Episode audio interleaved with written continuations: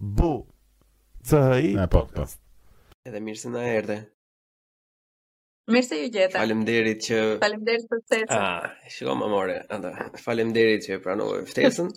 E falenderoj dhe Erdin që na mundsoi këtë njohje le të themi kështu digjitale tashmë.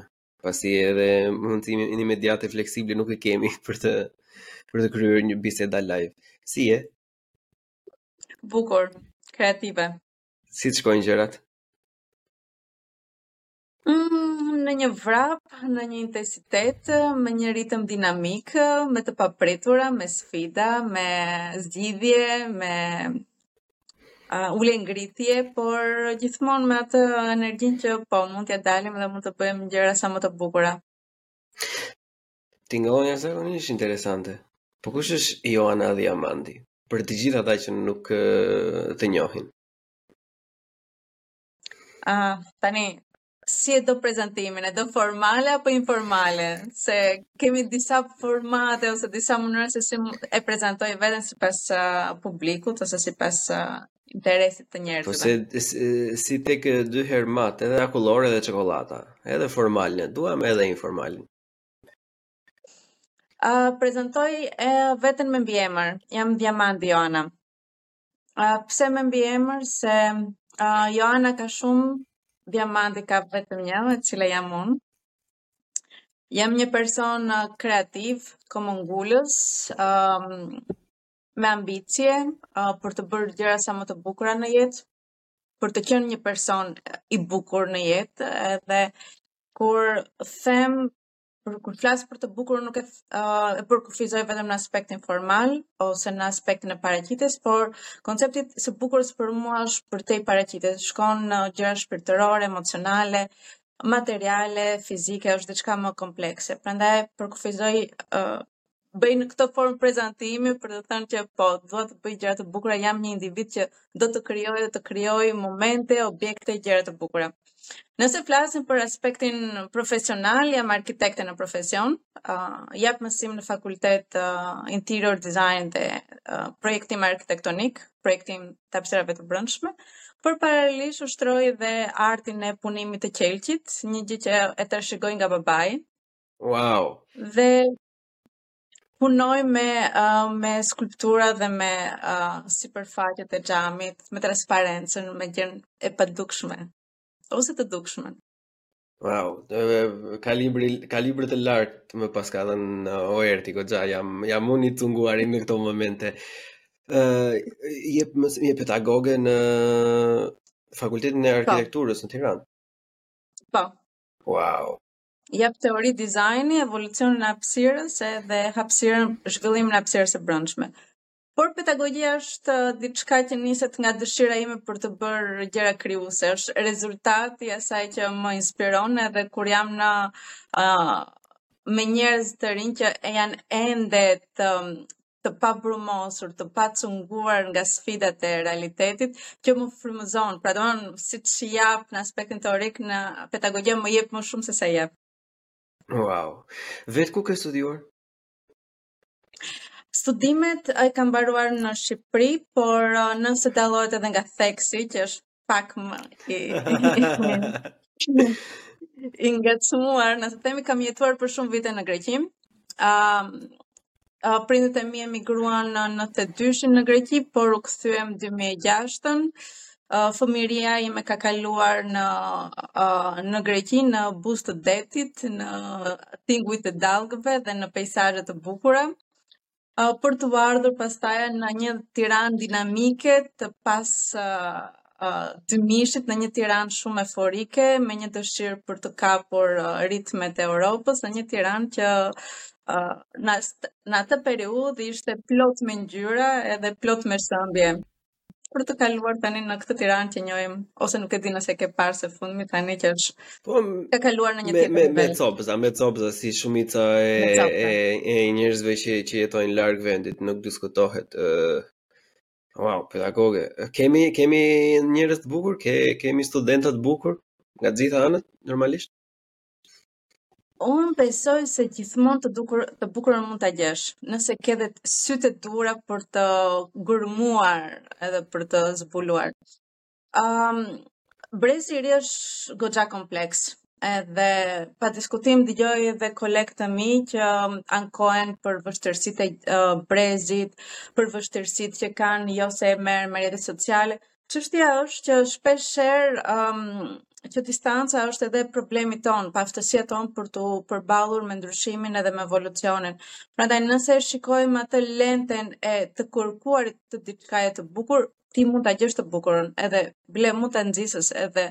Të them të vërtetën, puna e një pedagogu duhet të jetë uh, si uh, puna e e Prometeut që të sjell zjarrin edhe në atë zonën zonën e errët ti fut pak ngrohtësi edhe pak zjarr për të krijuar uh, atë um, bërthamën e parë të njerëzimit. Të, të prekim unë do të bëj këto pyetje që janë pak si më jo komforte ose ose jo jo jo të rehatshme në në fillim. Cilat janë problemet që kanë që kanë studentët shqiptarë? Nuk po flas për probleme materiale apo universiteti apo salla gjëra, po flas për për individin vetë. Cilat janë mangësitë që ë uh, studentët kanë në përgjithësi në mënyrën se si e përpunojnë informacionin ose me veten e vet ose me me me disiplinën apo me e, si, le ta themi ë uh, ushqimin ose ushqyerjen e imagjinatës së tyre të paktën, sidomos në në në në fushën tënde ku kjo është maja, mendja edhe ajka e çdo gjëje. Ëm um, mua studentët më vijnë në një uh, moment gati të formuar. Më mbetet shumë pak punë për të bërë. Uh, mund të themi është ajo maja e ajsbergut, kur çdo gjë është krijuar në fazat dhe në momentet shumë herë më më përpara. Um, dhe ke shumë pak mundësi që sado dëshirë mund të kesh për të ndryshuar ose për të edukuar edhe pjesa më e vështirë për të edukuar studentët e artit ose të arkitekturës është të edukosh estetikën. Dhe kjo problematikë vjen nga dy arsye, nga konteksti dhe nga mjedisi në të cilin rrethojnë. Jetojmë në një mjedis që e bukura nuk është shumë prezente.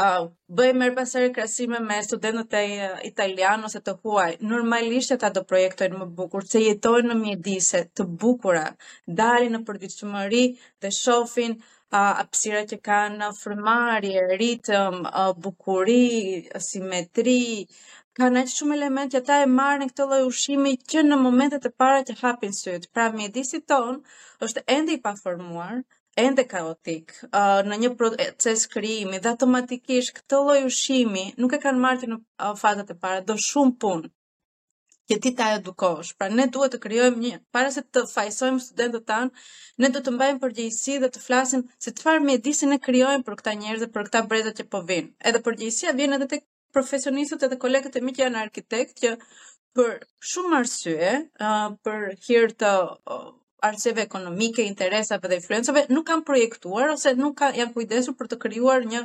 mjedis uh, të shëndetshëm. Elementi i dytë pak më social për mua vjen nga familja. Uh, familja shqiptare ka kaluar një tranzicion shumë të vështirë ku shofim që uh, familjet nuk kanë dhënë mjaftueshëm kohë cilësore tek fëmijët e tyre dhe automatikisht mungesën e kohës edhe prezencës së tyre e si të them, e kompensojnë me gjëra materiale.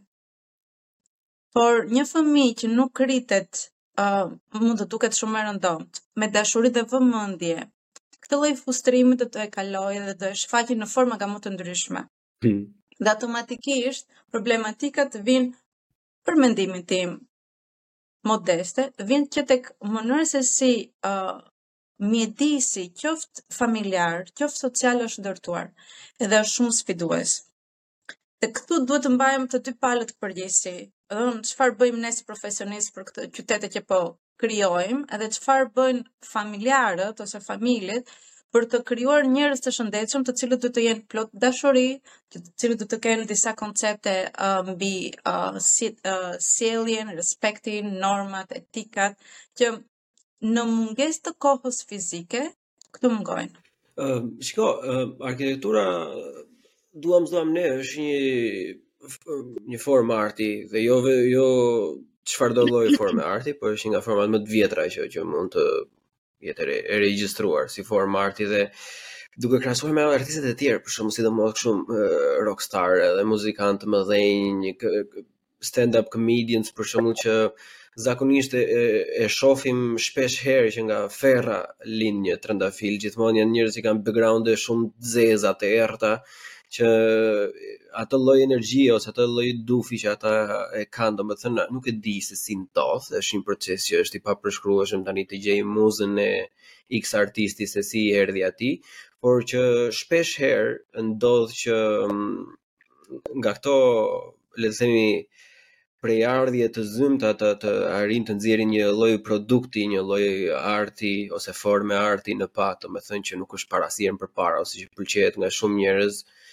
Dhe mm, paralelizmi që dua të bëj është si ka mundësi që në qoftë se ne le të themi e kemi këtë zymtësinë, e kemi këtë pjesën e errët që e, e, e cekëm deri tani, A nuk mund të përkthehet kjo dhe diçka në një gjë të bukur? A nuk janë këta um, studentë që janë rritur në këtë lloj mungese të theksuar të gjithë të bukur apo dashurisë?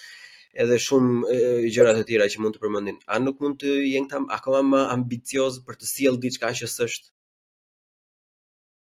Pa diskutim, unë besoj që në momentet e krizës ti mund të ke mundësi për të krijuar gjëra të papritura. Kriza për mua dhe limitimet janë pikërisht momentet që mund të krijosh edhe është e vërtet uh, dhe kemi raste të artistëve të cilët uh, kanë krijuar uh, gjëra të jashtëzakonshme pikërisht në momente krize, por këto raste janë të rralla. është shumë është edhe pak vetëflijues, një artist që të krijojë një gjë jep shumë nga vetja. Shpesh herë vetë sakrifikohet. Çështja është për të arritur një lloj balance midis produktit që jep edhe jetës tënde. Dhe po flasim për arkitekturën që me të vërtetë arkitektura është një pjesë e artit, por arkitektura është përtej sa është arti, është mjedisi që ne jetojmë. është bërthamë e komunitetit. Forumet romake ose agorat greke pikërisht se përbëheshin nga një lloj arkitekture të tillë kanë qenë vatrat e demokracisë dhe kanë qenë vatrat e civilizimit. Prandaj shkojmë përtej shprehjes uh, nevojave emocionale uh, në diçka të cilat mund të të ngjallë emocion në krijimin e një mjedisi dhe një uh, situate që ti mund të zhvillosh dhe mund të krijosh uh, civilizim. Prandaj këtu mund t'i ndajmë ë uh, um, Tirana është sfiduese, edhe pikërisht se është sfiduese, uh, ka shumë dinamika, ka shumë ngjyra, uh, ka shumë potencial. Kjo ka qenë dhe arsyeja pse un jam kthyer me shumë vetëdije uh, në Tiranë, pasi shoh një vend shumë dinamik me shumë sfida, ku të jepet hapësira për të krijuar dhe për të krijuar standardin tënd për herë të parë. Pra, është pak romantike, uh, mund të themi për mua Tirana është si tip Amerika e shekullit 18-19 që njerëzit e Europës shkonin për të krijuar atë parajsën e tyre, por në fushën në periudhën kur kam ardhur në fushën e arkitekturës uh, ka qenë një uh, fushë ku secili mund të tregojë nga vetja dhe pse jo të krijojë një lloj um, Domethënë, ka shpresë për Tiranën. Un po kam shpresë, edhe atë mundohem t'ia ushqej njerëzve që jetoj ose më rrethojnë se pa diskutim ekziston dëshira për të ikur, por siç ka Tirana ose Shqipëria këto sfida i ka dhe Perëndimi. Çështja është sa je ti gati të bësh kompromisa, je gati për të komprometuar um, nivelin tënd të jetesës, je gati për të komprometuar lirinë tënde, je gati për të komprometuar uh, në mundësim për të qenurit krijues, secili vend do të japi diçka por dhe do të marri. Por çfarë je ti gati për të dhenë, edhe çfarë ti je gati për të sakrifikuar. Spektakolare. Unë trumpetoj mbase ndo, ndonjëherë më shumë se sa ç'duhet përsa i përket sakrificës e gjithsecili që do të japi për, uh, le të themi përmbushjen e vetvetes, po më vjen shumë mirë që një njeri goxha më i formuar dhe me më shumë përvojë se unë është i njëjtit mendim me mua. Kështu që më bën të ndihem mirë me veten time në radhë parë, pastaj me mesazhin që dua të përcjell. Um, është më subjektive apo objektive e bukura? për mua është objektive dhe absolute. Bëhet subjektive dhe ka shumë uh, po e pres këtë lloj diskutimi dhe debati, është subjektive për formën se si ne e lexojmë, por në fund të fundit çdo gjë e bukur na bën të ndihemi mirë. Ë uh, kemi tendencën, kemi një tendencë dhe dëshirë për ta përkufizuar dhe për ta vënë në korniza, përpiqemi të kuptojmë çfarë është e bukur, duke kuptuar simetrinë, duke kuptuar ngjyrën. Por nëse dalim nga këto korniza dhe nga kjo nevoja tonë për ta uh, shpjeguar, edhe thjesht we let ourselves flow, uh, çdo që është e bukur nëse e shohim me atë këndvështrim, atë është objektive absolute, është një nevojë për të evoluar. Edhe nëse fillojmë dhe flasim që nga teoria e Darwinit, i cili pati atë dëshirën për të kuptuar se çfarë është e bukura, ai tregoi që është forma se si ne zhvillojmë specien, jo vetëm specien njerëzore, por është një nevojë zhvillimi uh, në përgjithësi në qeniet uh, në Po. Domethënë, disa gjëra që janë të bukura, të mirëqena le të themi, janë objektivisht për gjithsecilin të bukura. Um, unë e bëj këtë pyetje për të vetmin fakt, sepse ndryshe nga se ç'është eksperienca ime, nga arkitektët e vetëm, që mendon se bukura është objektive, sepse shumica të paktën në eksperiencë time, mbase kjo uh, ka dhe lidhje direkte me mungesën shumëvjeçare të eksperiencës time, por me aq sa jam unë në dijeni, një pjesë dërrmuese e arkitektëve, përfshirë këtu dhe profesorë dhe pedagogë, përfshirë këtu dhe të dy fakultetet e arkitekturës që unë kam pasur afër në përsa i përket shkollimit tim, janë të bindur që e bukura është subjektive. Janë të bindur me me me atë pjesën që diçka që i duket njërit le të themi në zhargon pleh i duket tjetrit thesar, kurse unë edhe i kushtëzuar nga mënyra se si mendoj, edhe i kushtëzuar nga jeta ime profesionale si inxhinier i ndërtimit, mendoj dhe i qëndroj rreptësisht dhe në mënyrë radikale faktit që bukura është objektive dhe këtë të gjitha ato që përmendëm më përpara për shembull të gjitha godinat e mbetura klasike greke apo romake apo ato kështjellat japoneze apo le të themi të gjithë në Sadaraxha në në Indi e vërtetojnë që bukura në fakt nuk është dhe aq subjektive, është objektive, sepse edhe ata atëherë edhe ne sot i kemi i cilësojmë si të bukura, i cilësojmë si frymëzuese, i cilësojmë si pikënisje të demokracisë apo të filozofisë apo të X të Y. Nuk kam dëgjuar akoma për ndonjë high rise që nga këto që janë vetëm hekur edhe xham që të ketë lindur aty diçka uh, shumë, domethënë, le të themi depërtuese, penetrante, akoma nuk ka ndodhur, ose të paktën uh, jam unë i, i panjoftuar në këtë drejtim. Edhe thënë këtë, problematika ime më e madhe që është pjesa që ne që do doja të përmbaheshim shumicën e kohës është arkitektura moderne. Ka një lloj mendimi që po qarkullon në brezin e ri dhe që po bëhet më shumë i fortë. Para deri para pak kohësh unë e konsideroja si teori konspirative, por tashmë më pëlqen më shumë ta besoj, se nuk mund të them që është e faktueshme, por po them që më më më duket më më shumë e besueshme se sa më parë që arkitektura moderne këto vijat këto gjërat pa formë janë nuk e di në një pjesë të madhe vrastare të shpirtit të krijimtarisë mendoj se ne nuk i ofrojmë ë më njerëzve atë bukurinë kur ata ikin nga mëngjesi i tyre nga banesa deri në punë të gjitha atë peizazhin ë siç ka thënë Ove Arup që duhet të jetë çdo çdo ditë që vete nga puna në shpi dhe nga shpia në punë duhet të jetë si një shëtitje në një muze në lidhje me fasadat e, e godinave, ma ha mendja se nuk neve nuk ia ofrojmë këtë. kam parë uh, dje duke u kthyer nga kantieri në zyrë një zyrë informacioni për turistët në Berlin, edhe ishte fasada një hekur i ndryshkur. Unë e kuptoj uh, atë atë atraktivitetin që mund t'i japë një arkitekti apo le të themi një personi që e shef për herë të parë si diçka, Por problematika me këto gjëra është se këto gjëra plaken ma ha mendja për syrin shumë shpejt, kur ti ke thjesht një vijë të drejtë që është e ndryshkur, ndryshe nga harqet e mirëharkuara me detaje, me gjethe, me krijesa të gdhendura ose jo, ose gips, domethënë që japin një lloj natyre tjetër. Mendon se kemi të drejtë ne që ndihemi kështu, kemi të kemi të drejtë të besojmë, a është vërtet, a kanë mbaruar, ore, thënë copë, a kanë mbaruar arkitektët nga idetë, domethënë edhe thjesht po mundohen të konkurrojnë njëri-tjetrin për momentin duke bërë një gjë që të jetë pak më e shtrëmbër, pak më si si thonë ekscentrike, pak më sa më jashtë, sa më ndryshe, sado brutaliste të jetë, sado um, le të themi e çuditshme të jetë, mjafton të jetë ndryshe, pak rëndësi ka se sa e bukur është.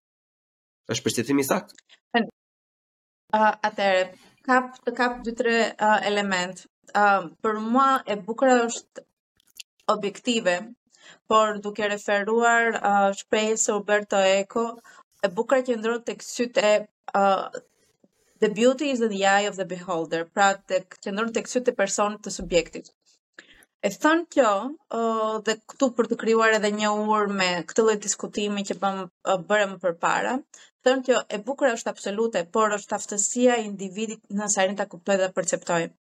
Pra sa të aftë ne jemi, sa perceptorë të skalitur, të rafinuar, të mprehtë kemi që ne ta kapim dhe ta lexojmë, ta kuptojmë këtë lloj të bukurën.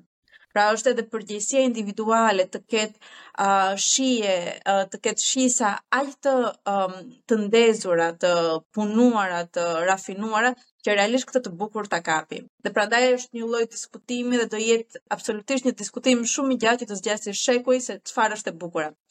Për sa i përket arkitekturës moderne, duke krahasuar me arkitekturën e shekujve më, më parë, ndryshimi qëndron tek koha, edhe tek stili i jetesës.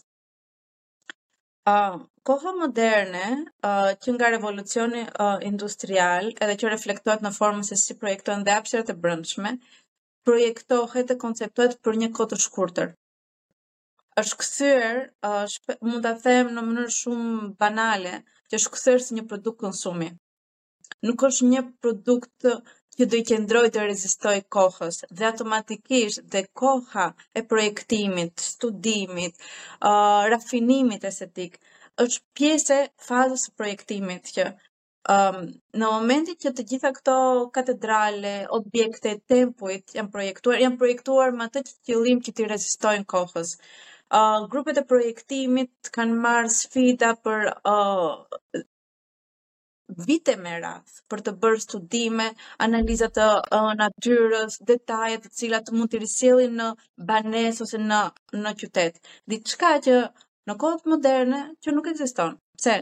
Se stili i jetesës është totalisht ndryshe. Stili i jetesës, uh, mentaliteti, konceptet, parimet universale të bukurisë kanë ndryshuar. Vetë universi vetë uh, ritme se si ne jetojmë janë totalisht ndryshe dhe automatikisht banesa dhe arkitektura janë reflektim i se si ne jetojmë dhe se si ne perceptojmë dhe duam ta perceptojmë botën. Prandaj ky ky lloj diskutimi duhet parë në raport me individin, si zhvillohet individi në shoqërinë moderne dhe kjo reflektohet edhe në banesë. Si ka qenë individi në shoqërinë e mëparshme dhe automatikisht ai individ i reflekton këto mënyrë jetese dhe tek uh, mjedisi në të cilin jeton. Okej. Paraprakisht po të uh, kërkoj ndjesë për mbase mbiracionalitetin tim, po mënyra se si mendoj unë është në fakt që ne sot kemi metodat edhe mjetet uh, më të mira që kanë ekzistuar. Deri më sot jetojmë në periudhën më të mirë që ka ekzistuar ndonjëherë. Të paktën çka kemi ne të regjistruar dhe kemi resurse. Më të mirë në aspektin se nuk kemi uh, luftra ekstreme siç kemi pasur më përpara, se piramidat. Nuk kemi luftra ekstreme, nuk kemi skllavëri ekstreme. Objekte, po, në këtë aspekt po, po jo në aspektin e teknologjisë, dhe teknologjitë pavarësisht që mund të ishin jo aq të avancuara, kanë arritur qoftë edhe me krahun punëtor të krijojnë piramidat e Egjiptit që ishin objekte kolosale për atë kohë. Pra, edhe fiks aty dua të ndalem.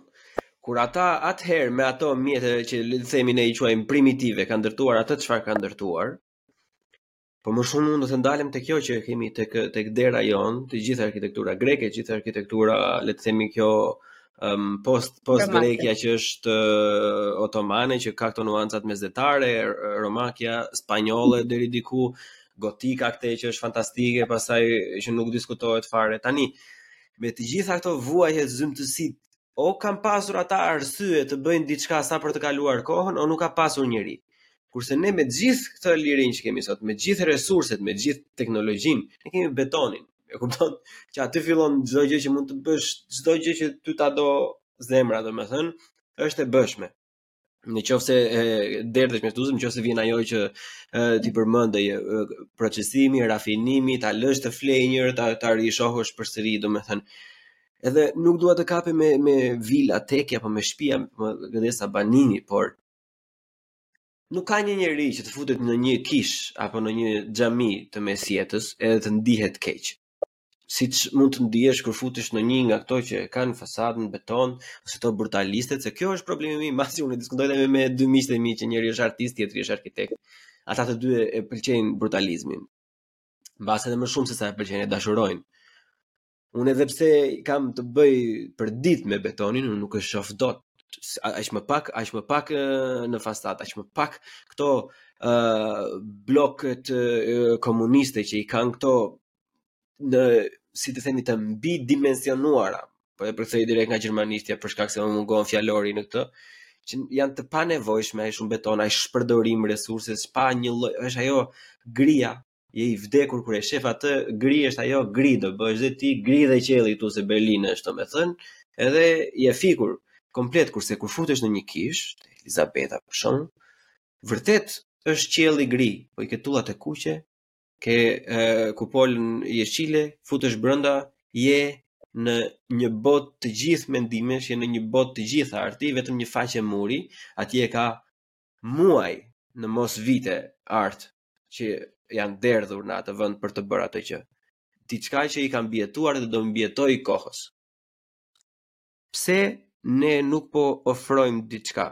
se unë nuk e, jam dakord kur një këto pavarësisht se nuk i pëlqejnë pikturat abstrakte thonë që ok do të e, di njeriu nëse ty të flet piktura të pëlqen nëse ty nuk të flet piktura nuk të pëlqen po po flasim për një godinë në një godinë kur gjithsecili që do të kalojë do e shofi jo gjithsecili do mendohet që dale mos e kam fajin unë që nuk po ia shoh bukurinë Apo janë disa, unë jam shumë i bindur për shembull, sidomos këtu që ka dhe pjesë goxha komuniste si në Shqipëri, ngaqë ka qenë i ndarë, ka vërtet disa që janë në mos të shëmtuara janë të pabukura. E kupton, nuk janë nuk janë të kënaqshme për asnjë njeri. Si ka mundësi që një sidomos nga ne, se kjo mua më bën dhe kjo shumë çudi. Ne vërtet nuk jemi rritur me gjëra shumë të bukura në Shqipëri.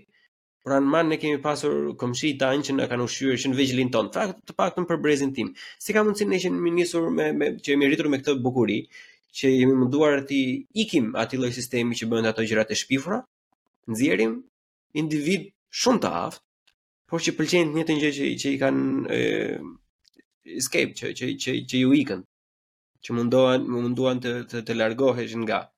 Në këtë lidhje nuk e kuptoj, më duket ndonjëherë kështu si e, Stockholm syndrome. Në sigur. Është një diskutim goxha i thellë, por për sa i përket um, banesës, çfarë mund të them është se fillimisht banesa duhet të jetë uh, funksionale. Uh, banesa i përket individit, automatikisht është reflektim i individit. Ishte një shprehje që se tani po dal pak uh, nga tema e arkitekturës që thotë që tani që zhvillohet aq shumë uh, inteligjenca artificiale, ne kemi kuptuar që kemi totalisht të pazhvilluar inteligjencën tonë emocionale. Dhe këtu dua të kthehem që me të vërtetë mund të kemi aq shumë zhvillime teknologjike, por shoqëria tonë ka vendosur aq shumë unin në qendër edhe ka hedhur shumë po shumë parime, parimet e komunitetit, parimet e të krijuarit partneritet, parime për të krijuar marrëdhënie me të tjerët, dhe automatikisht ka vendosur në piedestal konsumin dhe objektin. Nuk mund të presësh nga një individ me këtë lloj qasje të mendojë për fasadën e bukur, Ai do mendojë vetëm se sa e bukur është për atë, dhe nuk mund të mendosh për atë individ që të përpiqet t'i japë një ngacmim përtej asaj funksionales banesës ose territorit dhe rrethanave të mjedisit që krijohet, që krijon përreth. Pra, një person që është në proces të vazhdueshëm konsumi edhe arhitekturën e konsideron konsum. Dhe ti ku ke konsum, nuk ke cilësi dhe përmbajtje. Nuk ke elemente shpirtëror, nuk ke atë finesën e harkut që ti kërkon, se atë harkun që ti shikon te arhitektura otomane, atje ka pasur 10, 20, mjeshtra të cilët janë kanë dedikuar jetën e tyre për të uh, uh, për të mbajtur atë mjeshtëri dhe atë dashuri dhe mjeshtëri e kanë kaluar nga brezi në brez, diçka që ti s'e ke tani. Atë arkitekturën gotike që ti shikon që është e jashtëzakonshme, ti ke pasur një kishë që ka ushtruar një dhunë uh, të jashtëzakonshme, që ajo të arrijë të krijojë gjurmën e saj në uh, në qytet edhe në shoqërinë në të cilën uh, donte të uh, të pushtonte. Pra janë um, situata dhe kushte shumë më um, më të komplekse se ato që diskutojmë ne tani. Ë uh, dhe kjo reflektohet edhe tek arkitektura bashkëkohore. Arkitektura bashkëkohore është kthyer në një makineri për të jetuar dhe për të konsumuar. Dhe këtu vjen një nga pionerët e arkitekturës uh, bashkëkohore moderne, Le Corbusier, me librin e tij të famshëm që thotë arkitektura duhet të jetë një makineri për të jetuar. kur ti e trajton arhitekturën si makineri, aty nuk, nuk mund të kesh emocion, dhe aty nuk mund të flasim për të bukurën. Po, unë mendoj se një nga pasojat më, më, më negative se sa që nuk mund të flasim për të bukurën dhe nuk ka emocion arhitektura, unë mendoj se pasojë më e keqe se sa kjo është se njerëz të tillë uh, që e besojnë atë lloj mendimi, kanë fillojnë kanë dhe këtë siç i thonë bëjnë apologji atij lloj mendimi duke duke mos e shitur më si si duhet të jetë makinë funksionale por duke e justifikuar makinerinë duke i thënë që nuk i kemi ne fajin për projektin që ne po nxjerrim që është funksional e keni ju që nuk jeni të aftë ta perceptoni domethënë projekti im është fantastik projekti im unë kam mbledhur unë kur kam bërë këtë projektin by the way, histori e vërtetë, një mikesha ime më ka treguar ka dhënë diplomën në TU Berlin, Universiteti Teknik i Berlinit. Goxha i mirë është për sa i përket mhm. arkitekturës. Ëm um, nuk e ka marrë notën maksimale edhe ia ka thënë copë që unë nuk e bëra ndjesinë me ndjenjat e tua në momentin kur ti po ma shpjegoje, domethënë që pse e ke dizajnuar këtë godinë siç e ke dizajnuar ti, unë nuk isha në kontakt me ndjenjat e tua. Tani, në qoftë se një individ ushqehet me atë frymë, kur është akoma në bankat e shkollës, që për një projekt duhet ti, le të themi, të, të, të shprej ose të bëj se është dhe trendi këtu. Këtu, domethënë, e kanë ekziston një meme kur kam qenë dhe unë atje, gjithë studentët e arkitekturës ishin të gjithë duke pirë bar, edhe i shifje nëpër cepa kështu me ato letrat e tyre në dorë që mundoheshin të prisnin, se s'i prisnin dot se ishin dru. Edhe normalisht në qoftë se nuk e aktron këtë pjesën që uh, po unë isha një moment të vështirë të jetës time dhe uh, kjo vija e e çdrejtë uh, prezanton uh, çdrejtësinë e ndjenjave të mia më duket paksa too much sepse unë jam i bindur që çdo njeri kalon në, në disa uh, x, y gjëra edhe, edhe në çfarë lloj arkitekture të pëlqej janë gjëra specifike që i pëlqejnë gjithsecilit throughout the board Arkitektura nuk ka të bëjë me gjendjen emocionale të arkitektit. Po fjala jote në vesh të Zotit, po kujt i thua? A dhe këtu është dhe këtu është uh, një gabim shumë i madh që ndodh pa diskutim, uh, arkitekti ka një uh, një peshë shumë të rëndësishme që të përcaktojë estetikën e arkitekturës dhe objektin në cilin krijon. Çështja është se Arkitekti në rrugëtimin e krijimit është bashkë me investitorin. Dhe është një çift ose është një kërcim tango që të duhen të dy, arkitekti dhe porositësi. Porositësi përcakton standardet, referencat, kërkesat, buxhetin. Pa atë nuk ekziston mundësia për të krijuar. Unë nuk mund të kërcej pa pasur atë partner si arkitekte. Unë, nga ana tjetër si projektuese, kam si detyrë të marr ato kërkesa dhe t'i materializoj në formën më të mirë të mundshëm për investitorin, për komunitetin, por duke dhënë elementë shpirtëror, emocional, estetik të mia. Por, nuk jam vetëm unë në këtë lloj proces, por nuk është vetë as investitori. Në momentin që të dy palët të kuptojnë pozicionin, rolin e tyre në këtë krijimtari, atëherë mund të kemi një produkt i cili uh, si fillim të jetë i kënaqshëm për investitorin, për arsyen pse krijohet uh, një lloj bashkëpunimi i tillë ose një objekt arkitektonik, pastaj ajo mund të jetë jepet uh, një dhuratë shumë e mirë komunitetit, nëse bëhet me atë dëshirë, me atë koncept që realisht i jepet një produkt komunitetit. Dhe pastaj flasim pastaj për kënaqësinë e egos individuale për të lënë një gjurmë që të zgjasë më shumë në kohë. Por pa këto tre komponent, pa këto dy partner në këtë lloj vallëzimi, nuk mund të flasim për arkitekturë. Arkitekti nuk punon me ndjenjat e veta. Ai arkitekti materializon nevojat duke parë se si këto mund të kenë zhvillimin më të mirë estetik, funksional, teknik, konstruktiv në raport me mjedisin që ndërtohet. Pra, arkitekti nuk është artist në këtë rast. Dhe këtu është gabimi shpeshherë që mendojnë që arkitekti është artist. Jo, artisti ka një tjetër rol. Artisti ka si detyrë gjendjen e tij emocionale ta shfaqë në mënyrë sa më të sinqertë të mundshëm që të zgjojë po të Uh, po të njëjtën emocion ose emocione të tjera tek të tjerët, por është një uh, rrugtim solo. Totalisht i vetmuar. Vetëflijues, plot sakrifica, artisti ka këtë lloj rrugëtimi, ndërsa arkitekti punon me komunitetin, punon me nevojat, me investitorin, ka një përgjegjësi shumë herë më madhor dhe që vjen vetë nga fjala arkitekt, arkitekton, ka disa përkufizime se ç'do të thotë arkitekt. Nëse flasim për përkufizimin antik grek, arkitekti është um, i pari i mjeshtërve, është dirigjenti, ai që drejton simfoninë. Por, kjo simfoni nuk ekziston pa harmonizimin e veglave dhe instrumentave. Ose, përkufizimi tjetër për arkitektin, është ai që përcakton lëvizjet e teknikave të strukturave tekton në uh, greqishten e lashtë do të thotë që janë pllakat, pllaka tektonike. Ai që përcakton se si lëvizin këto pllaka. Pra ne kuptojmë që nga përkufizimi që është një lloj përgjegjësi që shkon përtej individit dhe nevojave individuale për të vënë një gjurmë në territor.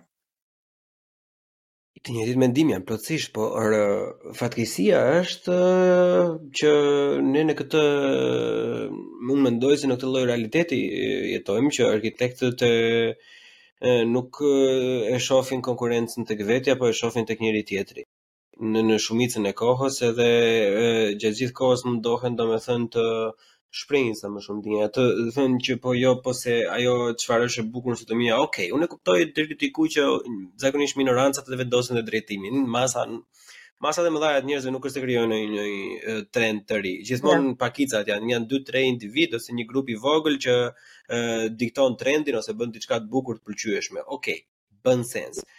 Por Mua më shqetëson që ta bëjmë edhe bisedën pak më të thjeshtë, edhe tek godinat e reja që janë ndërtuar në Tiranë, që janë i stilit, le të themi, këto tamam cool konsumatore, domethënë, një ku një gjë e gjatë, po, është një gjë e gjatë me fasadë xhami apo pllakash, nuk e di se çfarë kanë, se ishte edhe skandali që turpi i zotit kjo del pak më vonë se sa dita ne që po e regjistrojmë, po ajo që u dogj ishte, nuk e di. Nejse, unë nuk e di tani se cili inxhinier e ka lejuar atë lloj ndërtimi ashtu, kush e ka dhënë firmën që të, të, të ajo fasadë të izolohet në atë lloj mënyre, por edhe unë që 5 vite eksperiencë kam bashkë me kohën time studentore, E kam mësuar që në semestër të tretë që ai lloj materiali nuk është për atë punë dhe nuk e lejon Eurokodi. Gjithsesi, ë e kaluar këto është se nuk më japin ndjenja. E ke parasysh, kjo është problemi im, se unë e shikoj nga ana personale, unë jam dhe pak individualist kur shikoj komunitetin, se mendoj se një një individ i kënaqur do të bëjë një komunitet të kënaqur. edhe mm, ku një pjesë e madhe për shembull ose të paktën ata që kam në kontakt nuk i shohin domosdoshmërisht të bukura. Është moderne, po, duket metropolitane.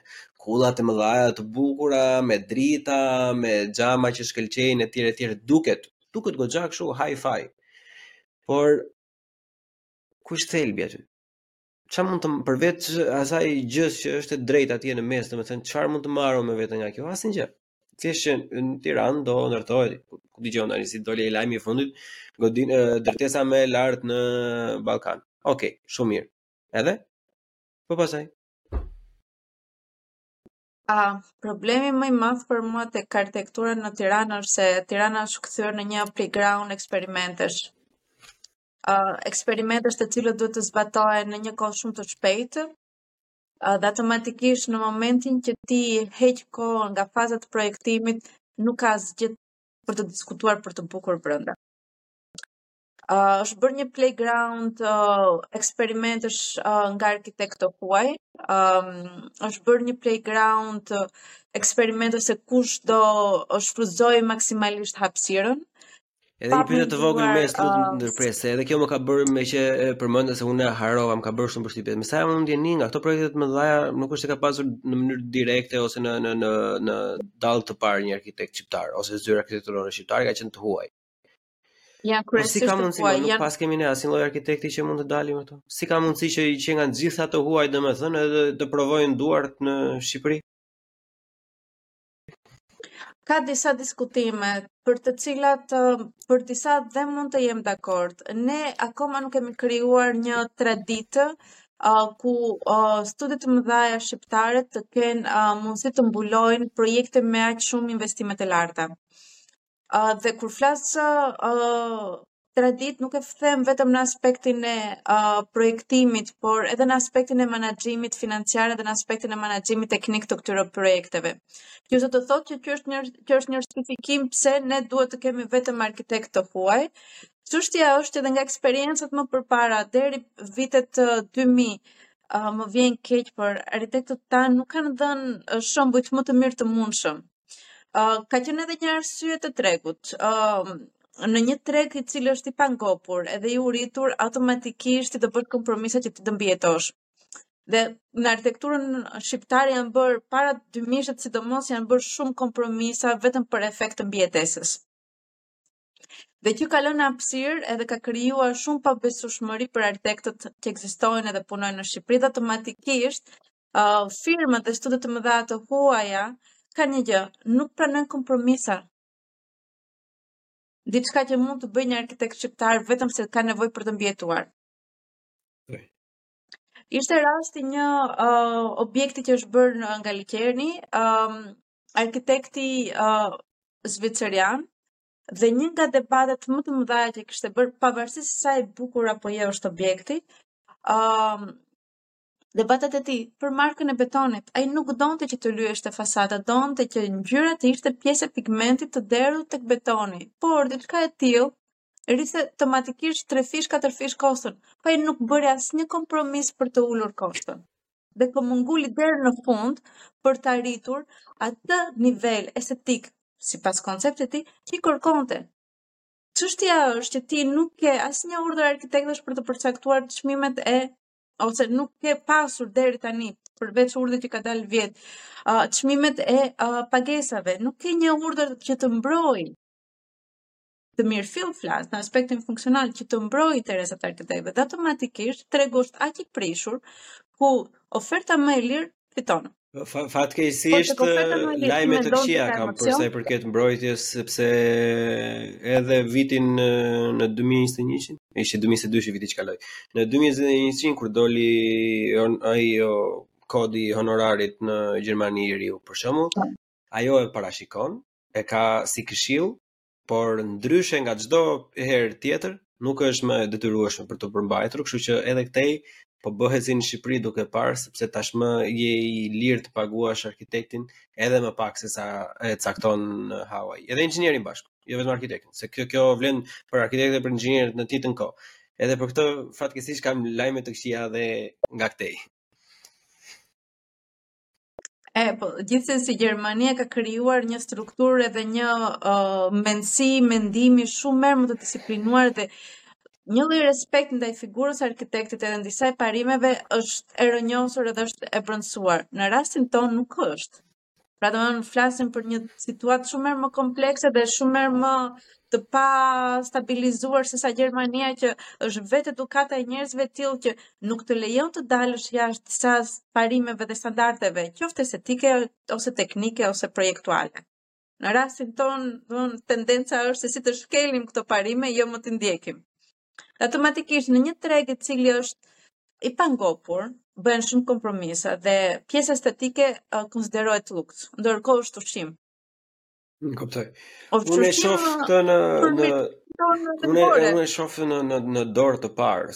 Unë prej dy vitesh tashmë punoj në një zyrë në vetëm në drejtim projekti, atë sipas atij termit të vjetër që sapo përmendëm përpara, arkitektonas, domethënë koordinojmë çdo lloj çdo të përfshirë, investitorin, arkitektin, punëtorët, çdo lloj gjëje të mundshme, domethënë dhe në fund fare un jam ai i keqi që do të duhet t'i marr gjithsecilin nga ata që nuk duan ta shohin njëri-tjetrin, t'i ul në një tavolinë edhe të vrasin mendjen derisa të arrijnë në konkluzion. Por ky profesion për shembull 10 deri në 15 vite më parë, të paktën në Gjermani, ka qenë i dominuar nga arkitektë. Në momentin që ne flasim, Arkitektët që punojnë në të njëjtin pozicion që që tashmë un punoj janë të rrallë. Për mos thënë fare janë shumë të rrallë. Domethënë vetëm ata që janë nga 60 vjeç që nuk duan t'ia dinë më fare tash as nuk kanë as nuk kanë dëshirë më që të që të që të arrijnë në konkluzion të nxjerrin një një projekt të mirë. Ëm edhe i rikthehem prapë asaj që u përmend pak më parë që edhe brezi i ri i arkitektëve e distancon veten në mënyrë kategorike nga çdo lloj gjëje këtu për të vetmin fakt që nuk është i aftë të bëjë kompromis. Unë mendoj se mbase unë kam gabim, normalisht, mendoj se është një mangësi jo vetëm profesionale, por mbase edhe emocionale e arkitektëve që kanë një plan në mendje se si duhet të shkojë gjëja dhe nuk kanë asnjë backup pas asaj. Që në qofë se për një kosto teknike, që ndodhin shumë herë, për shumë gjëra që janë teknikisht të pamundura ose të, të mundura, po me një kosto për shumë ekstraorbitale në asaj çfarë është çka është përcaktuar, nuk kanë jo vetëm dëshirë, po në shumë herë nuk kanë asnjë backup. Domethënë nuk kanë diçka tjetër që të ofrojnë, nuk kanë një opsion. Unë mendoj se kjo është mangësi shumë e thellë. Varet nga rasti për çfarë bëhet fjalë. Uh, se flasim për uh, situata mbase shumë uh, specifike. Unë jam dakord që gjithmonë e vërteta qëndron në mes. Uh, puna tonë është uh, të marrim atë listën e kërkesave uh, dhe të qëndrojmë besnik sa më shumë të atyre kërkesave, por duke parë edhe mm, më të mirën e përbashkët. Për sa i përket zgjidhjeve teknike, ë uh, varet edhe nga shkolla e mendimit që vjen secili projektues. Nuk është asgjë aq absolute. Nëse ti flet për uh, kontekstin ë uh, gjerman, mbase është situatë e tillë. Në situatat të, uh, që shohim në Shqipëri është që arkitektët jo vetëm vijnë me një backup, por shpeshherë janë dhe projektuesit ose janë individët që mund të bëjnë më shumë se sa kërkojnë termat e referencës. Është çështje konteksti. Është çështje konteksti i kohës. Këtu një arkitekt një kontekst, këtu flasim për një kontekst që arkitekti është projektues, interior designer, graphic designer, bën PR-in, brandimin. Automatikisht nuk arrin të thellohet, por është individi që merr në shumicën e rasteve uh, një sferë shumë herë më të madhe se sa i takon. A përkthehet kjo kjo lloj uh, a përkthehet kjo lloj mundi edhe kjo lloj volumi ashtu ashtu siç duhet edhe në honorar dhe në pagesë në Shqipëri?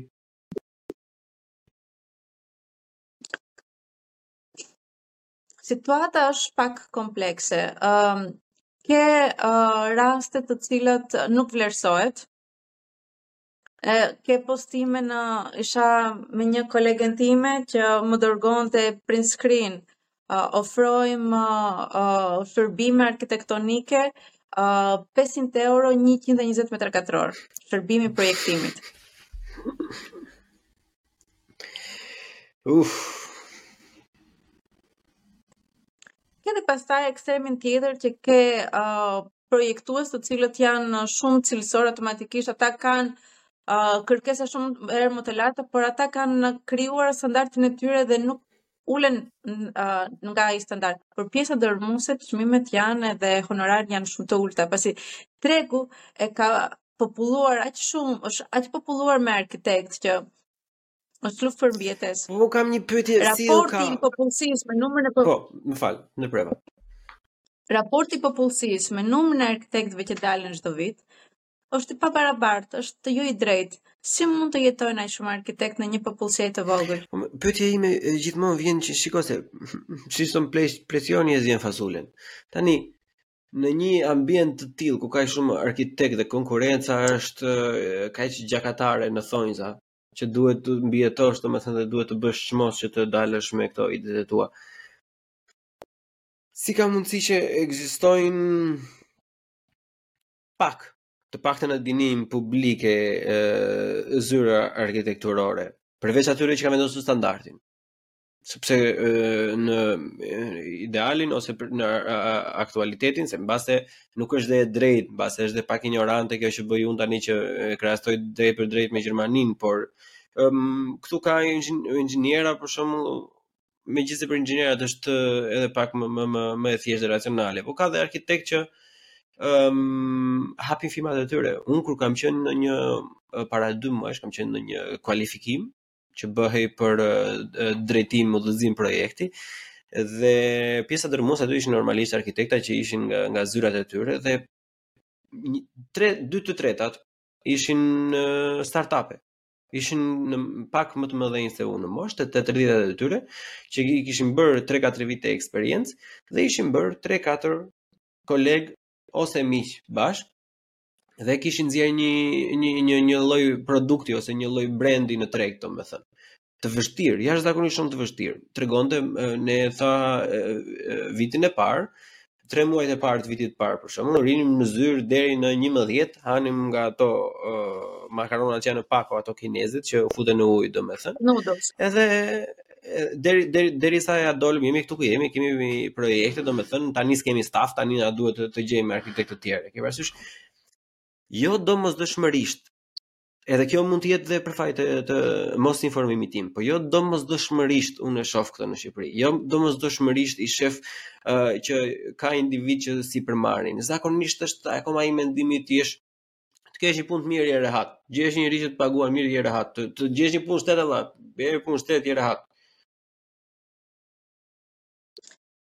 Mendoj se në punën e arkitekturës në Shqipëri ndodh e kundërta. Ë uh, pjesa dërmuese uh, dalin uh, nga shkolla ose kanë filluar që në shkollë të punojnë dhe shumë mirë bëjnë që po punojnë, për mua është shumë e rëndësishme që ti të jesh uh, në kontakt me tregun. uh, dhe shumë shpejt marrin sipërmarrje, po çështja është se e përgëzoj shumë iniciativën edhe marrjen e sipërmarrjes, por arkitektura nuk është diçka që mësohet vetëm nga bankat e shkollës. Shkolla të jep vetëm metodologjinë e kërkimit dhe metodologjinë e mendimit. Të mëson se si të mendosh, të mëson se si të kërkosh, të krijon një uh, kornizë ku ti uh, mund të ndihesh uh, brenda një territori që do të krijosh. por praktikën, eksperiencën, teknikën ti do ta marrësh nga një zyrë kompani me një lloj eksperience dhe pjesa më e madhe e arkitektëve të rinj çfarë bëjnë? Shkojnë në një zyrë rrinë një vit, dy vite dhe pastaj e dalin në terren direkt. Automatikisht ti sa ke marrë, sa ke mësuar, sa je sa e përditësuar, sa je pjekur je, Domethënë ekziston një pretendim që je 30 vjeç do të jesh arkitekt i madh. Jo, 30 vjeç je thjesht i sapolindur në fushën e arkitekturës. Je thjesht një embrion, nuk mund të marrësh përgjegjësi kaq të mëdha teknike dhe të dalësh në terren i papërgatitur. Je si një ushtar pa armë. Dhe pikërisht këto lloj sipërmarrjesh në momente aq të hershme prishin tregun krijojnë problematika shumë të mëdha se disa nga objektet të cilat ne shohim qoftë interiere, qoftë eksteriere, nuk janë aq të projektuara mirë pikërisht nga guximi dhe nga sipërmarrja e personave të cilët nuk janë ende të pjekur, me shumë potencial, por nuk janë ende të pjekur. Po si luftohet kjo për shkak? Ja, se të paktën, ja, unë mësova diçka të re tashi që perceptimi im për sa i përket tregut shqiptar të arkitekturës që është i gabuar. Ok. Kthehemi në realitet atëherë. Në qoftë se se kjo lidhet me shumë gjëra, se mbase specifika për momentin është arkitektët, po është e gjithë rinia shqiptare. Është unë kur isha 19 vjeç, edhe 99% e të tjerëve që unë e dua suksesin tani, e dua lekun tani, nuk dua unë të pres deri nesër. Unë dua ta bëj tani, të jem më i miri, më i suksesshmi, më i pasuri, më me më shumë emër etj etj. kjo konsumatorizmi, do me thënë dhe nevoja për të treguar veten është përkthyer siç e përmende në një le të themi ego të pashëndetshme. Unë egon nuk e shikoj domosdoshmërisht si diçka negative. Egoja shpesh herë sidomos në në në fushën tonë, për shembull shpëton shpëton edhe nga gabime shumë trashanike të X individëve të tjerë, kështu që duhet. Por Kjo, ky rast për të cilin ne po flasim tashmë, është thjesht zakonisht i pashëndetshëm. Është thjesht zakonisht i pashëndetshëm se e, e vë re që është ajo ndjesia që mm, po ai tjetri çka ka më shumë se unë që mos ta bëj unë, atë e kisha bërë dhe unë, atë që bëri ai e kam bërë, unë e kam bërë atë para 4 viteve, pse pse mos të marr unë sa merr ai ose pse mos të hap dhe unë atë, siç e ka hap ai. Këtu do të shkojmë pak në gjenezë, do të shkojmë tek familja. Të vemi, patjetër. Janë elementë, uh, janë elementë të cilët uh, nuk i ke marrë në universitet, janë elementë që ty të janë rënjosur dhe janë, uh, janë futur që në familje dhe koncepti i krahasimit. Vazhdimisht krahasimi që bëjmë ne me të tjerët, qoftë bëjnë prindërit uh, me fëmijët e tyre ose fëmijët me njëri-tjetrin. Nëse ti nuk e edukon që në fillim, nevojën për të dhënë, uh, për të krijuar një kontribut, nevojën për të lënë një gjurmë të mirë, jo detyrimisht duke u krahasuar me tjetrin, por duke u krahasuar me versionin tënd më të mirë të vetes, ne nuk mund të ndryshojmë tregun sot për nesër.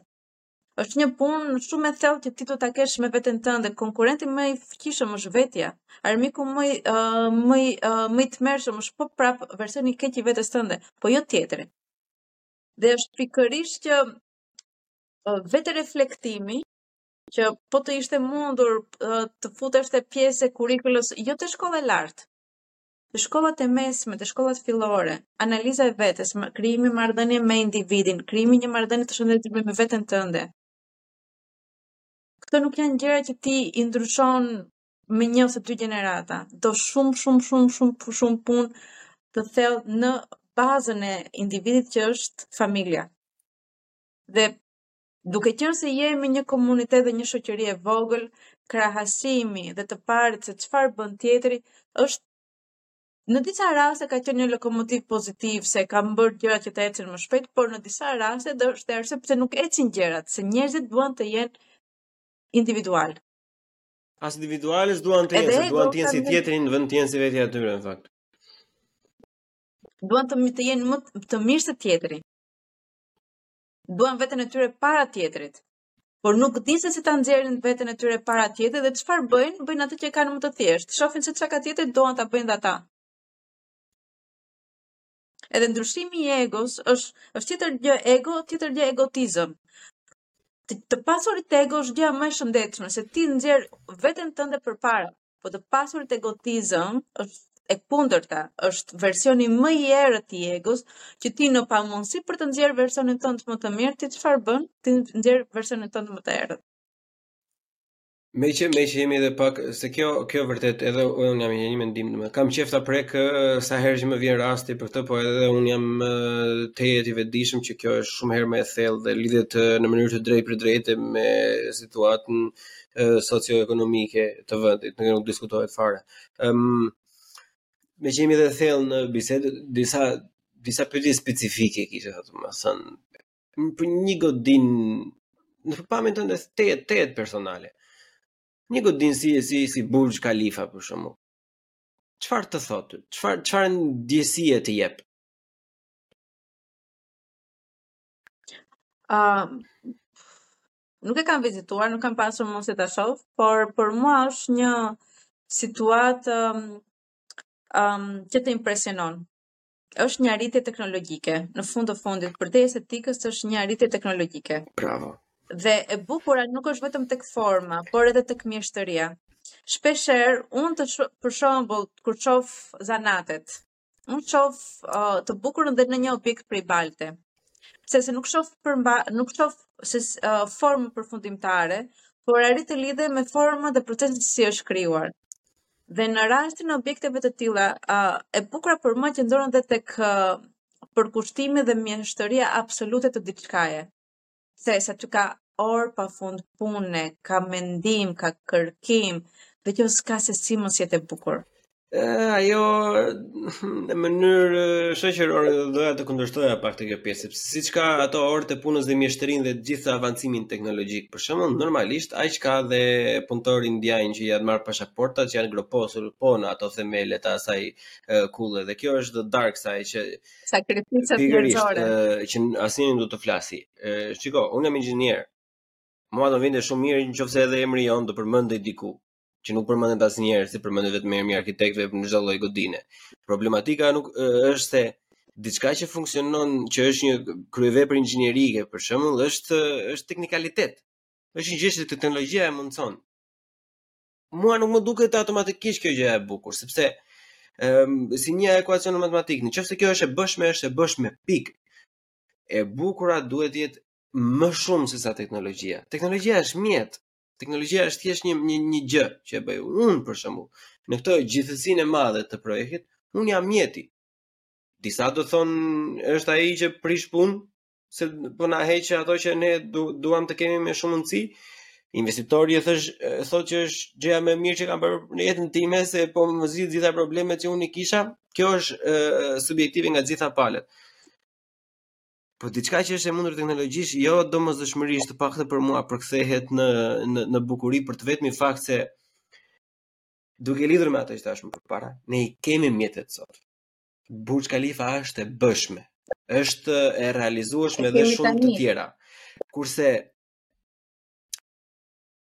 e di ça do ishte e pamundur, ose le të themi shumë e vështirë e mundur.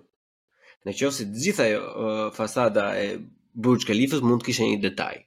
Një detaj që do i kishte vajtur një arkitekti tjetër në mend, përveç xhamave e tjera.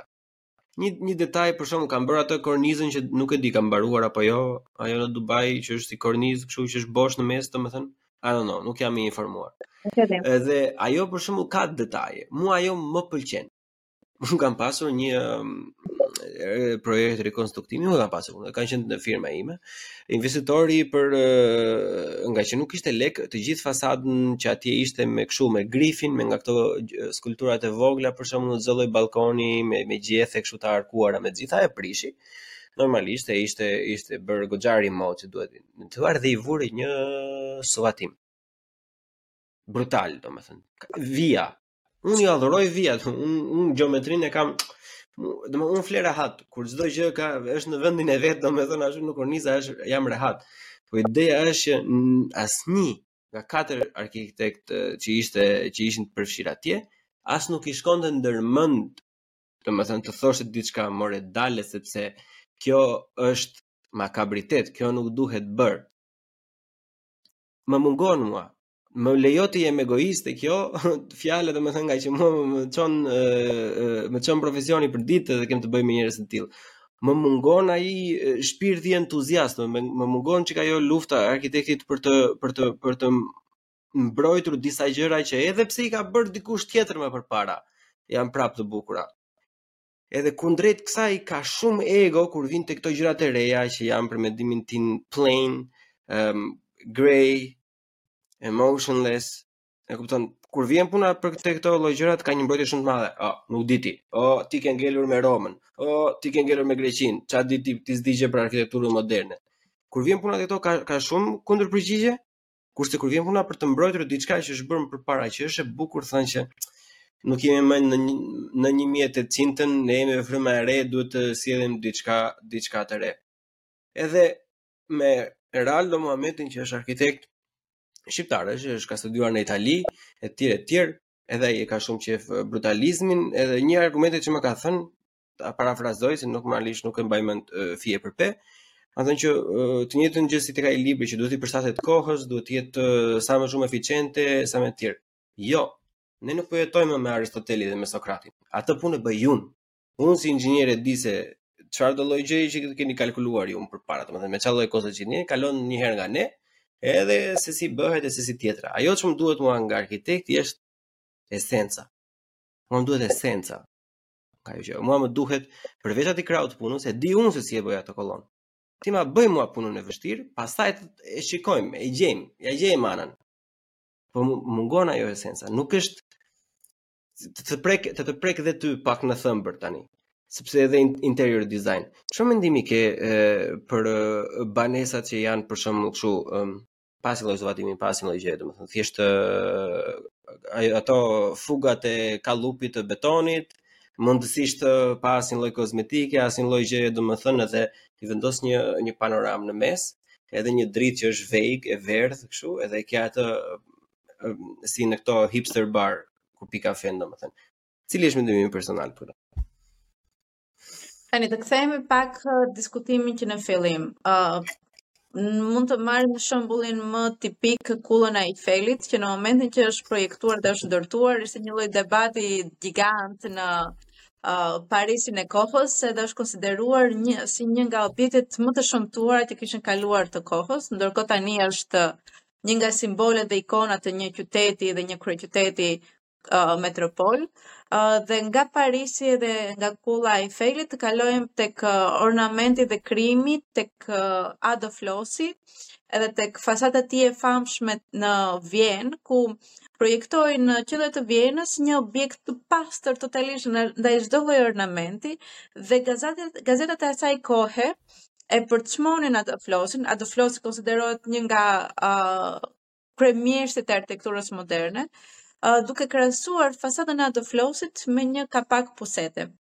Dhe në librin e tij Adolf Loos uh, uh, flet pikërisht se si arkitektura duhet të jetë esenca dhe duhet të jetë uh, bukuria uh, dhe përmbajtja e materialit në vetë vetvete. Dhe për herë të parë, në atë fasadën aq të thjeshtë të Loosit, që banesa, pjesa e banimit sipër, ishte suvatuar, dhe pjesa e tregtare ishte trajtuar me disa kolona shumë të pastra prej mermeri, ne për herë të parë, pamë bukurinë e materialit në vetvete, pa një ornament të tepër. Pra, materiali, bukuria e pastër e gurit, u kthye në një ornament pa pasur gjëra të cilat mund të ishin të tepërta.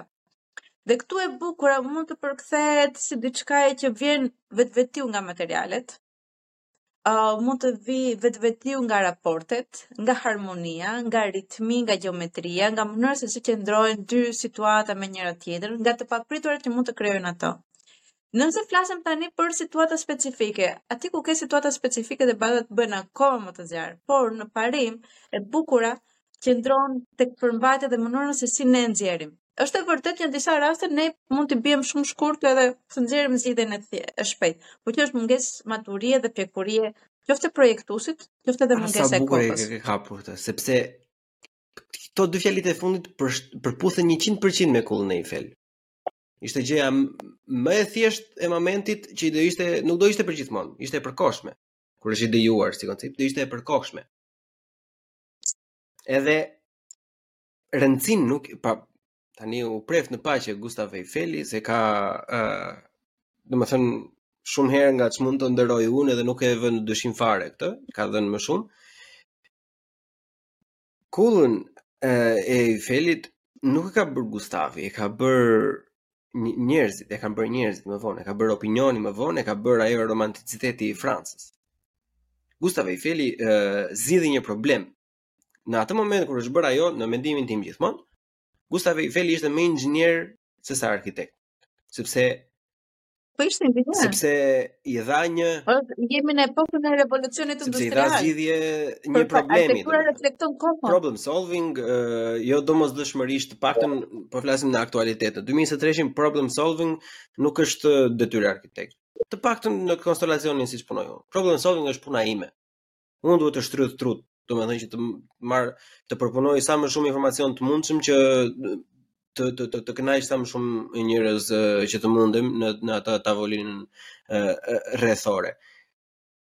Edhe unë e kuptoj këtë romanticitetin që i jepej që atëherë u krahasua me një kështu apo me një ashtu, por tashi është kjo gjëja tjetër, por siç jepen un prandaj u adhuroj edhe pse pse duket sikur kam shumë bif me arkitektët domethën prandaj kam shumë qejf sepse ëm është debati është debati un jetoj un jetoj për debat un kam qejf debatin se sepse mendoj se është jashtëzakonisht shumë i shëndetshëm por një gjë që vë re te arkitektët është që në vija të trasha, jo specifikisht, por në në vija të trasha ka një farë lloje, ka një ritëm që që që i përket gjithë secilit prej tyre, domethënë që në vija të trasha ata venë pothuajse në të njëjtin ritëm, jo gjithmonë.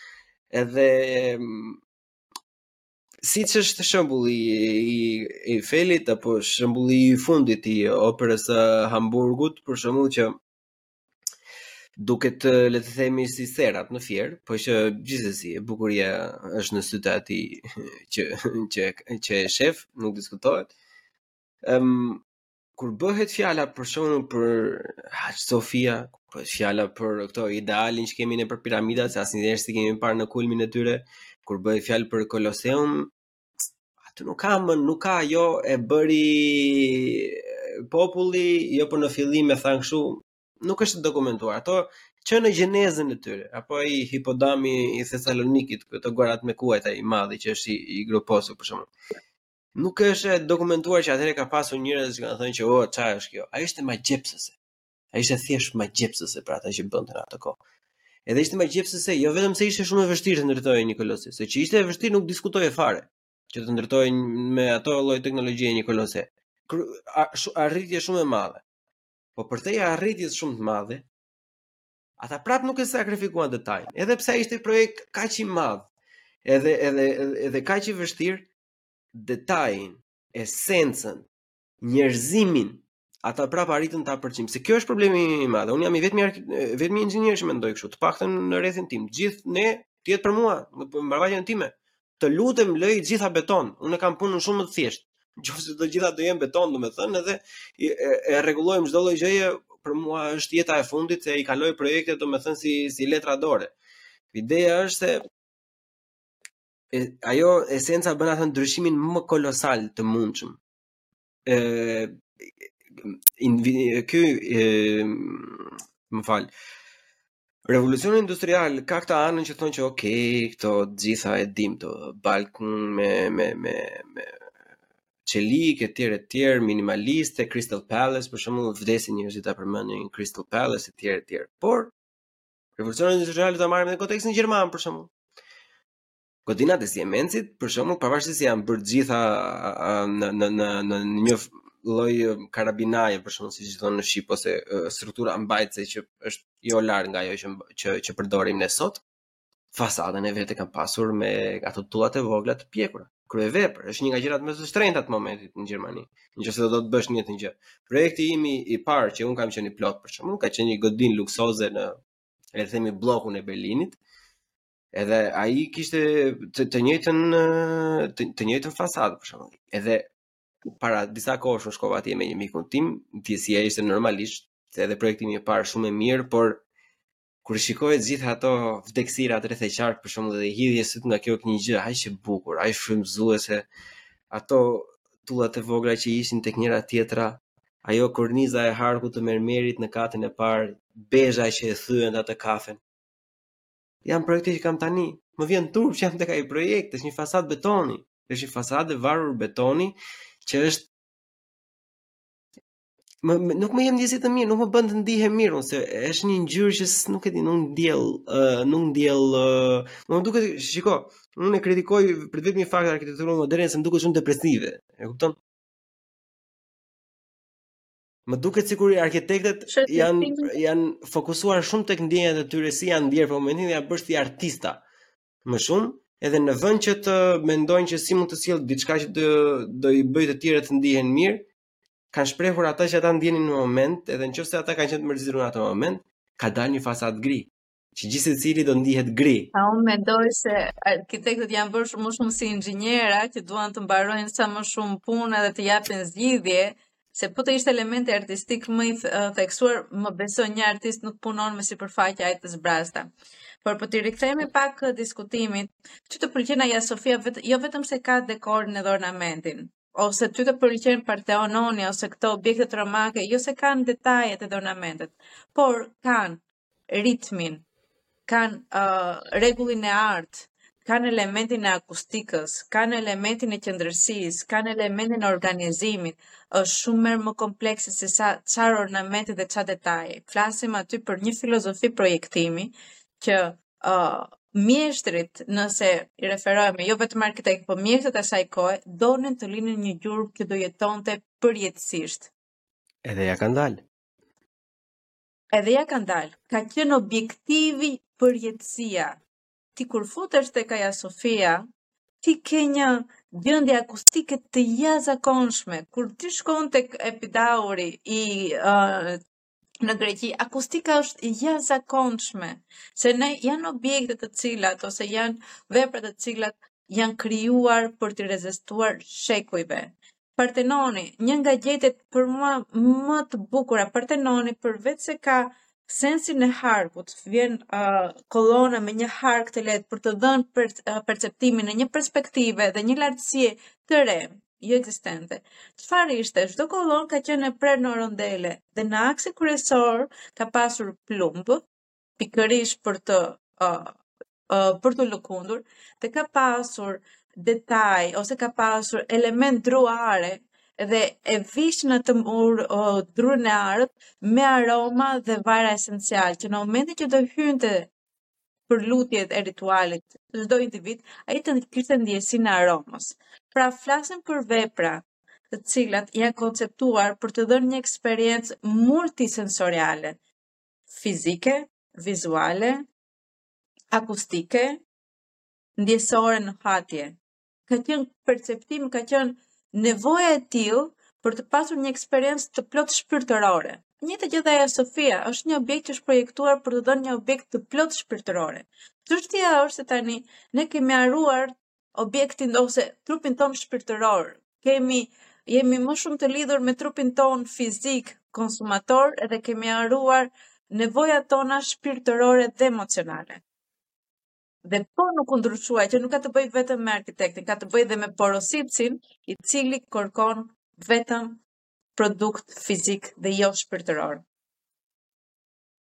Dhe nuk ka si një arkitekt ta japi atë nuk, nuk jam i pashpresë për këto. Unë mendoj që koncepti strong arming që mm, arkitektët në, në ndryshim me inxhinierët kanë një përparësi. Kanë një përparësi direkte kur i, i, i kur flasim për projektin. Kur ne ulemi në ato meeting-et tona me arkitektët e investitorët, domethënë, Çdo vesh, çdo sy drejtohet nga arkitekti. Është i kënaqur arkitekti apo jo? Është kjo ajo çfarë ai donte? Edhe në qoftë se kjo nuk është ajo çfarë ai donte, hajde Bleon, hajde Ralf, si t'ia shesim ne këtij arkitekti, domethënë që edhe kështu siç është, është prapë afër asaj që donte ai. Këtë unë nuk e kam si përparësi. Që të më vijnë njerëzit të mendohen dy herë përpara se sa të flasin e, me mua, domethënë. Mua më vijnë e thotë, o vla, kjo nuk bëhet. E kupton? Është një ishte një parvaz banje atje për shembull rast idiot specifik pa lidhje domethënë që ishte 1 metër 9 nuk bëhej se teknikalitetet donin 1 metër e 20 e ke parasysh unë jam detyruar të jap zgjidhje Edhe unë nuk kam nuk kam hapësirë fare për të lëvizur aty sepse unë i kam të dhëna. Kurse kur bëhet fjala për arkitektin, edhe të më, më lejo të lutem të të marr dhe një shembull specifik për shembull nga në një nga tre projektet që unë kam tashmë në dorë, ë ishte fiks për fasadën. Edhe në, ëm në atë moment për shembull, ë ata e kishin ë edhe mundësinë, edhe kapacitetin financiar për ta vendosur. edhe pse është një, një nga zyra që me, është diku të 50 vite që ekziston në Berlin dhe ka bërë gjëra shumë të mëdha. E vije re në tonalitetin e zërit të tyre, edhe në fytyrat e veta që e kishin humbur dëshirën. Është ajo që ti përmende pak më përpara që thjesht duan ta mbarojnë, duan të të, të hecin me tjetrin, domethënë. Edhe Nuk ka balancë këtu. Nuk është ai yin yangu. Ai që duhet të mendojë që ta mbarojmë, ta heqim duhet të jem unë dhe investitori. Xha janë dy veta. Xha janë dy karaktere që mundohen ta mbarojnë. Pse duhet të vish dhe ti tek varka jonë? Që të jemi të tre që duhet ta mbarojmë. Jo. Ti duhet të jesh yangu i yingut tonë. Ti duhet të bësh Jam dakord. Mua kjo më mungon thellësisht domethënë. Thellësisht më mungon. Jam shumë dakord për këtë. Edhe a është pikërisht ajo që përpiqem që uh, t'i jap uh, studentëve të mi në klasë, atë grimcën e pasionit.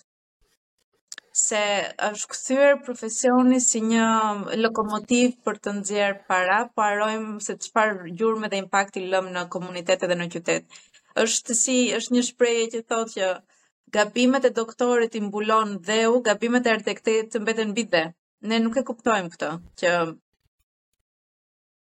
mungesa jonë e pasionit ose mungesa jonë e maturisë mbetet edhe lë një impakt shumë më të madh se sa uh, mendojmë. Sa çdo lloj gjëje tjetër, sa çdo lloj produkti tjetër që ekziston. dhe do kohë, do maturim. Uh, arkitektët nuk mund të pretendojnë që të jenë arkitektë të mëdhenj që në fazat e tyre. Duhet të piqen nëpër zyrat e arkitekturës, të kalojnë sfida, të lexojnë, të udhëtojnë, uh, të mbushin veten e tyre. Po nuk je i mbushur, s'ke se ça të japësh uh, nga vetja në aspektin emocional ose shpirtëror. S'ke se ça ngrohtësie të japësh. po nuk je në kontakt të vazhdueshëm me natyrën, s'ke se si të krijosh detaje të bukura, se natyra është inspirimi, më shpeshherë më duket e kotë, shpeshherë që të hapim librat që për, ndërkohë burimi më i bukur inspirimi është natyra. Kupto mekanizmin, jo aparencën, jo objektin e lules në vetvete, por mekanizmin se si natyra ndërton si krijohen ato rrjetat e merimangës, janë të jashtëzakonshme, jo vetëm në aspektin estetik, por edhe në aspektin strukturor dhe në aspektin e qëndrueshmërisë. Dhe më, më lejon mua për shembull të shtoj tek pjesa e natyrores që le të themi edhe prap se po të marr shumë shembuj specifik, po më duket sikur e kam pak mllefe, duhet ta nxjerr nga vetja. Po ne kemi një rast specifik për momentin, për shembull që në banesat e veta kanë vendosur që le të themi një pjesë, një një cep ta lënë betonin ashtu si është, pa e suvatuar, pa asnjë lloj gjëje. Tani, je fiksuar me betonin, ke një kështu mllef domosdo. Unë betonin e adhuroj. Domethënë është gjëja që na ka pavarësisht se na ka shtrydhur trurin, na ka na ka na ka futur ne si inxhiniera, domethënë nuk e di si s'më kanë dalë thinjat akoma nga të gjitha nga pesë konstruksione që kemi pasur në shkollë, por edhe edhe është vegla magjike, nuk e diskutoj fare këtë. Po prap nuk ia jap të drejtën të jetë uh, atje ku s'duhet të jetë për shembull. Projekti i dytë që kam bërë unë ka qenë një ekspozitë eks, ekspozita Gjermania quhet ajo që bën ekspozita arti. Për shembull, e gjithë hyrja atje, gjithë foajeri, për shembull, është beton. Ama është beton i dukshëm. Mhm. Edhe është i përshkruar që është i dukshëm. Kualiteti i tij është si një faqe bebi. E ke parasysh? Kemi bërë dhe një atëherë po. ne që ke, nuk e di, o zoti i madh, çka kemi hequr atëherë, është një një një shkallë që ngrihet 360 gradë pa asnjë lloj kolone, domethënë në 7 metra lartësi, është shumë e vështirë. Po ajo rri tepër bukur, sepse ajo është foajeja, ajo është salla hyrëse domethënë dhe e ke e gjitha akustikën, çdo lloj gjëje është on point. Në banesë nuk është në banesë nuk është sepse çdo lloj gjëje aty të bën sens atje. Edhe edhe te ke te, te ky cepi muri këtu për shembull është vendosur kozmetik betoni aty ku ka qenë priza përpara që arkitektët vendosën ta heqin u ta lëmë këtu ta vëmë këtu. Edhe ajo është kështu peci peci. Domethënë, edhe arkitekti mendon se kjo është gjë shumë e bukur. Po nuk është e bukur ajo. Se këtu këtu edhe dalte objektiviteti. Këtu dua unë që të bëja atë debatin e zjarrtë të zihemi, domethënë edhe të grindemi edhe çdo lloj gjëje tjetër. Sepse nuk e përci është është banesë, do të jetë duhet të jetë e ngrohtë, duhet të japi ndjesinë e rehatisë, ti do kthehesh një ditë prej dite nga puna, edhe ti duhet të ndihesh mirë në atë lloj ambienti, duhet të japi atë qetësinë momentale o jo vetëm, sepse edhe duhet të zgjasi. Un për shembull, un për për zotin, un bëhem me dhimbje koke në Tiranë te Myslim Shyri, ku janë ato pllakat kështu për shembull, kur është vënë një nga ato pllakat që është vënë po. re, që është pak ngjyrë më tjetër, mua më prishet dita aty. Domethënë, sa shikoj një nga ato pllakat, un nuk nuk di, dua një 2-3 orë që të vij në vete prapë, domethënë, mua më bezdisin këto lloj gjëra. Është normale, nuk je i vetmi. Pikërisht. Imagjino tani të jetosh në një shtëpi Ku ajo pllaka është për ditë, sa herë që të kthehesh ti nga puna, ajo pllaka që nuk është në vend është për ditë aty. Dakord është problemi i arkitektit, por personi që banon aty, çfarë roli ka? A mos është një reflektim edhe i karakterit të tij? Banesa është akoma më nëse ka diçka që është subjektive, është banesa dhe interieri.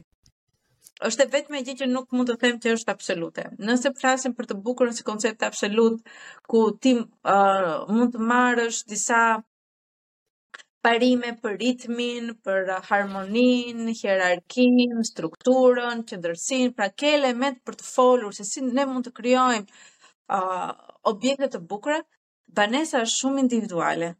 Banesa është e bukur për individin edhe për uh, karakteristikat e tij, për mënyrën e jetesës, për personalitetin, për uh, mënyrën e jetesës. Aty është um, uh, ego dhe karakteri i arkitektit mund të them që nëse më përpara raporti është 50% me 50%, këtu është 70% me 30%. është totalisht uh, raport uh, i zhdrejtë. Arkitekti po mund të edukojë shijen, por nuk mund të dalë nga shija dhe karakteristika e vetë uh, individit. Dhe po të them rastin tim, projektin tim të parë që kam bërë, edhe është një rast shumë interesant. Sa kisha dalë nga bankat e shkollës. Uh, periudha që kisha uh, mbaruar shkollën ishte një lloj uh, periudhe që eksploronte shumë arkitekturën parametrike. Unë me uh, backgroundin tim si arkitekte, artiste, më ka pëlqyer gjithmonë skulptura, e mora si sfidë që uh, investitori më tha, bëj çfarë të duash. Je e lirë. Po, sa mirë thash unë, sa bukur që unë mund të bëj çfarë të dua. Edhe bëra një interier që uh, që ishte totalisht e bardhë, me dru, me uh, element skulpturor, me detaje dizajni, me detaje shumë të bukura të pllakave, Edhe në pamje të parë ishte një interier shumë i bukur, shumë i pasur, shumë modern, shumë i sofistikuar. Çfarë ndodhi? Mbas 6 muajsh, ai interier nuk shifej me sy. Pse? Se unë bëra gabimin më të madh, edhe kam ndryshuar totalisht mendim. Unë aty hodha konceptet më ideale për atë të bukurën që unë mendoja për interierin, për funksionin të mëdha. pa marrë në konsideratë karakteristikat e pronarit, stilin e jetesës, njerëzit që do sillte në atë lokal, pa marrë në konsideratë totalisht elementin njerëzor. Bas 6 muajsh, ai lokal ishte plot me korniza me ngjyra, të cilat ishin një kornizë këtu, një kornizë këtu, një kornizë këtu, një kornizë këtu. Ku dua të dal?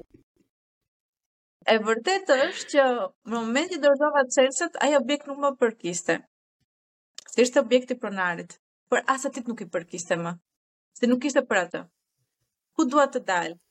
Interieri është pikërisht mënyra se si investitori ose porositësi krijon sinergji dhe komunikim me uh, atë që do zbatojë mënyrën tënde të jetuarit.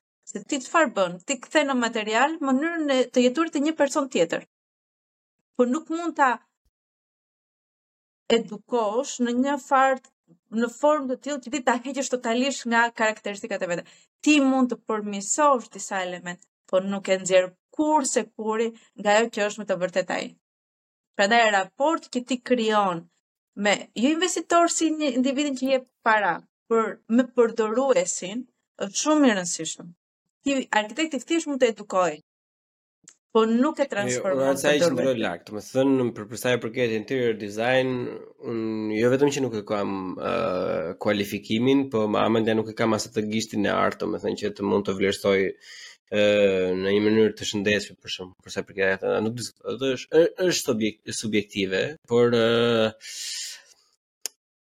gjerman, gjermanët kanë një shprehje që thonë die Kunden lassen sich gerne führen që do që përkthehet në shqip që klienti ka qejf të, të merret për dore kështu dhe t'i tregosh gjëra të bukura. Domethënë që ta vendosësh ti, ti t'ia shesësh se çfarë është e bukur. Klientët vdesin që ti t'i shesësh diçka. Tjetër. Por kjo nuk është shitje, për mua është edukim. Ti e edukon klientin, i edukon shijen, por ti nuk mund ta transformosh. Pra nëse ke një bie fjala e themi domethënë uh, themi, nëse ti ke një kapacitet 70% mund ta çosh deri te 10, por nuk e çon dot 100. Nuk e ngre dot më shumë. Se do vijë një moment që ai Ë, uh, në moment që ti nuk e nuk e ka në lëkurën e vet do e transformojë. Nuk do e pranojë në fillim do e pëlqejë, por uh, nuk do e përvetësojë. Do jetë si një kostum që i rri i madh.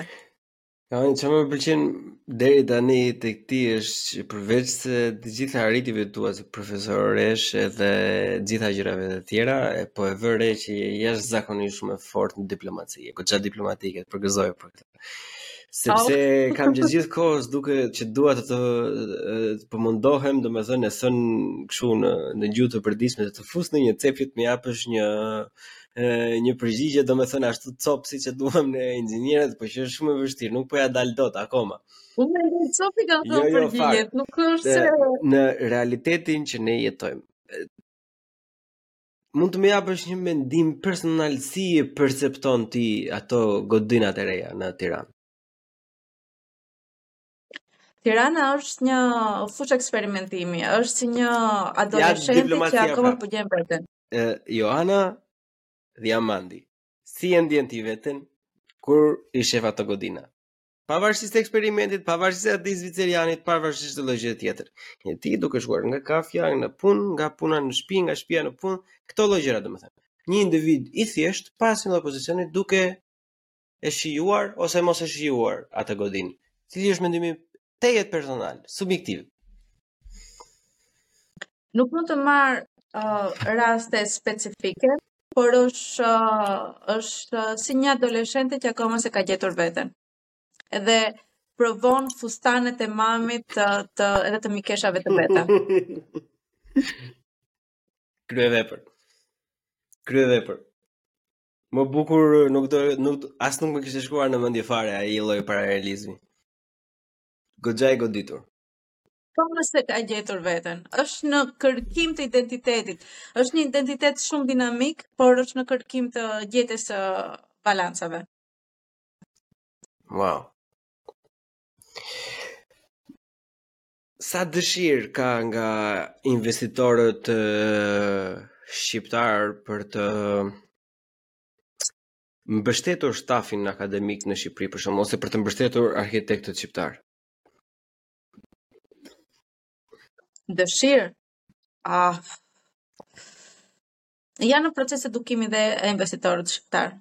Është mm, është një si ta them, është një begati që është goxha e freskët, edhe investitorët shqiptar ende nuk kanë nuk janë mësuar me këtë lloj begatie, nëse mund t'i vëmë emrin begati. Prandaj e shof një uh, situatë që um, në proces e sipër. Mbështetja e akademisë është duket shumë qartë sikur akademia dhe tregu nuk funksionojnë bashkë. Ka nevojë për shumë punë edhe për shumë dialog që akademia dhe tregu dhe privati të të afrohen dhe të vinë në një lloj i komunikimi. Limani mendon që si janë investitorët dhe studentët edhe pedagogët edhe prindrit akoma vuajnë tejet faktin ose le të themi sindromën e inferioritetit që e kanë zakonisht gjitha këto vende të le të themi të Europës Lindore që ne mendojmë që gjithmonë ai që vjen nga jashtë është më i mirë. Ata e bëjnë më mirë, ata e bëjnë më bukur, ata janë më të mirë se ne. Mendoj se mendon se akoma vërtet ne vuajmë, domethënë edhe si personalisht, por edhe në, si industri e gjithë nga ky lloj kompleksi inferioritetit. Pa diskutim. Për mua është është është një proces që do të zgjasë edhe pak. Domethënë Do zgjasë edhe pak se akoma nuk ka bërë ciklin e vet.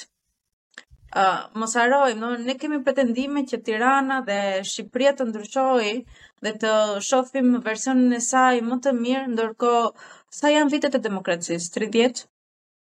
Okej, okay? do në aspektin uh, të gjërë, uh, demokraci të tjera kanë kaluar shekuj dhe shekuj uh, situata civile, uh, situata ekstreme brenda shekujve dhe ne kërkojmë brenda 30 vitesh të ka bëjmë kapërcime që vendeve të tjera u janë dashur shekuj me radhë. Është pak edhe papjekuri nga ana tonë edhe shumë si ta them. Po tregohemi shumë të paduruar, dakord, koha kalon, po tregohemi shumë të paduruar. Është një proces që do të bëjë ciklin e vet. Ka një, ka një lloj mënyre që ne aktivisht, domethënë, mund të mbase jo ta luftojmë, po të paktën të të shtyjmë këtë këtë kompleksin e inferioritetit, domethënë, çfarë mund të bëj unë për shembull? Unë jam, unë jam një njeri për shembull që bëj këtë podcastin tim, flas me njerëz të tjerë interesantë. Çfarë mund të bëj unë për shembull për të për të ushqyer këtë ndjenjën e kundërt të inferioritetit, që ne nuk jemi inferiorë, që ne nuk jemi të këqij. Të jemi mirënjohës për të mirat që kemi, se shohim vetëm ato që na mungojnë, edhe harrojmë të shohim të mirat që na jep vendi dhe të mirat e oportunitetet që na jepen uh, në çdo situatë të përditshmërisë tonë, qoftë nga natyra, qoftë nga dinamikat e njerëzve, qoftë nga njerëzit që të japin zgjidhje, qoftë nga fakti që ti mund të arrish të gjesh uh, zgjidhje shumë herë më shpejt se sa në vende të tjera. Pra, nëse ne heqim sytë nga mangësitë që patjetër ekzistojnë, do ekzistojnë, por hedhim sytë në të gjitha të mirat që ne na ofrohen, në të gjitha të mirat që ne na rrethojnë, jemi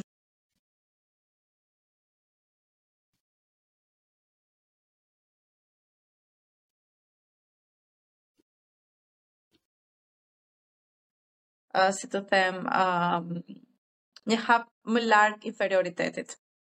se do kuptojmë që realisht kemi vlera për t'u treguar dhe kemi vlera për t'u ofruar. Për studentët që që ulen në auditorium e të tjera, çfarë është gjëja më e rëndësishme që ata duhet të bëjnë të kujdes ose cila është ai si të themi vath në vesh ta kesh vath vath në vesh.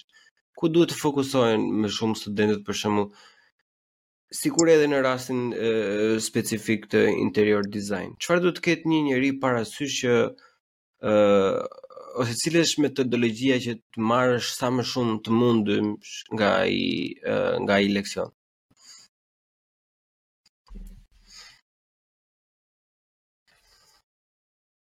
A më dëgjon tashmë?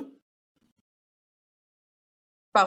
Ë, pyetja ishte që për studentët ose për ata që janë akoma duke e zhvilluar veten e tyre, akoma duke mësuar. Ëm cila është metoda më e mirë ose çfarë duhet ata të kenë parasysh që të përthithin sa më shumë informacion edhe të mësojnë sa më shumë sa më shpejt të munden. Atëherë, si fillim të heqim fjalën të mësojnë sa më shpejt të munden. çdo gjë merr kohën e vet. E para, uh, do pasion, jo vetëm interieri, për çfarëdo lloj profesioni, po nuk e bëre me një pasion, të cila uh, cili pasion të buron prej së brendshmi, ti do ke shumë sfida. Dhe ti duhet të kesh uh, të armuar veten tënde me aq shumë vegla, po vegla që vijnë nga brenda, që ti të përballesh uh, të përballesh këtyre sfidave me, me sa më shumë dinjitet dhe me sa më shumë përmbajtje.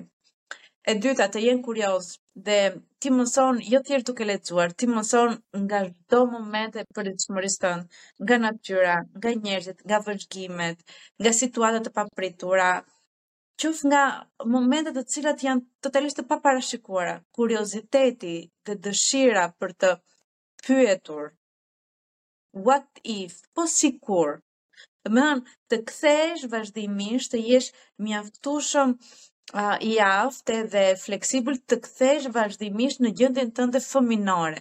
Po jo në gjendje fëminore duke qenë i papjekur, por në gjendjen tënde fëminore që ti pyet, je kurioz dhe je vëzhgues.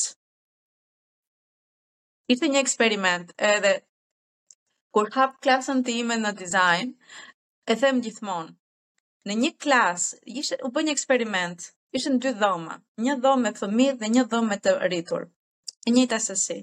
Dhe në atë dhomë, në secilën prej këtyre dhomave, u mor një objekt, një send shumë e vogël, që është ajo kapsja e uh, letrave.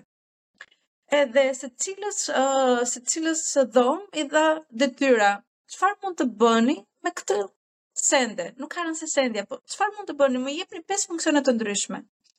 Në dhomën e të rriturve mund të kenë dalë maksimumi 8 mënyra ripërdorimi ose ndryshimi. Në dhomën e fëmijëve, ajo sende ishte transformuar në forma nga më të çuditshmet, nga më të habitshmet, që mund të kenë dalë 25 forma mënyra përdorimi dhe rikonceptimi të një sende kaq modeste dhe shpeshherë të padobishëm. Pra, gjendja ose aftësia që ti të kthehesh ajo gjendja fëminore, kur ti nuk duhet të dalësh jashtë kufijve, por ti duhet të kuptosh që je përtej kufijve. Është një aftësi e madhe. Më fal do të bëj një pauzë se kam një kakë.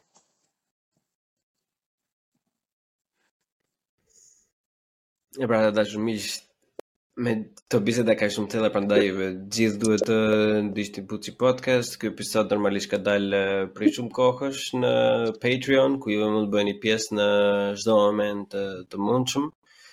Dhe mund të na mbështesni dhe me mjetet e tjera përveç te Patreon, si Spotify subscribers, dhe Buy Me a Coffee, apo linket e tjera. por ju vetëm gjëja më kryesore është ju vetë të dëgjoni ta shpërndani me miqtë tuaj nëse mendoni se kjo bisedë ka vlera që ta diskutoni të jepni mendimet tuaja në komentet tona dhe sa më shumë të bëni like dhe ta shpërndani me miqtë tuaj e bëra reklamën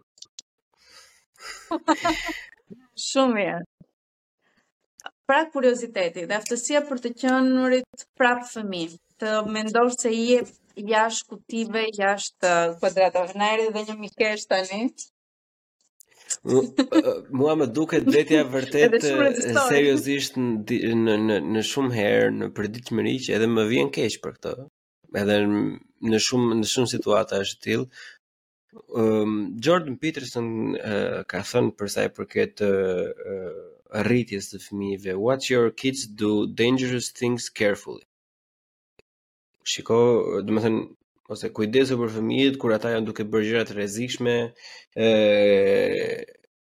në mënyrë domethënë të, të, të, të kujdesshme dhe, dhe ti duhet thjesht t'i vëzhgosh t'i shikosh të mendosh t'i japësh një një mësim kam pas edhe unë sy blu në mendjen time shtoj ndonjëherë po pse mos të bëjmë ne gjëra të rrezikshme vetë dhe pse vetëm fëmijët mund duhet të bëjnë gjëra të rrezikshme domethënë me kujdes pse mos të bëjmë dhe ne gjëra të rrezikshme me kujdes ku është problemi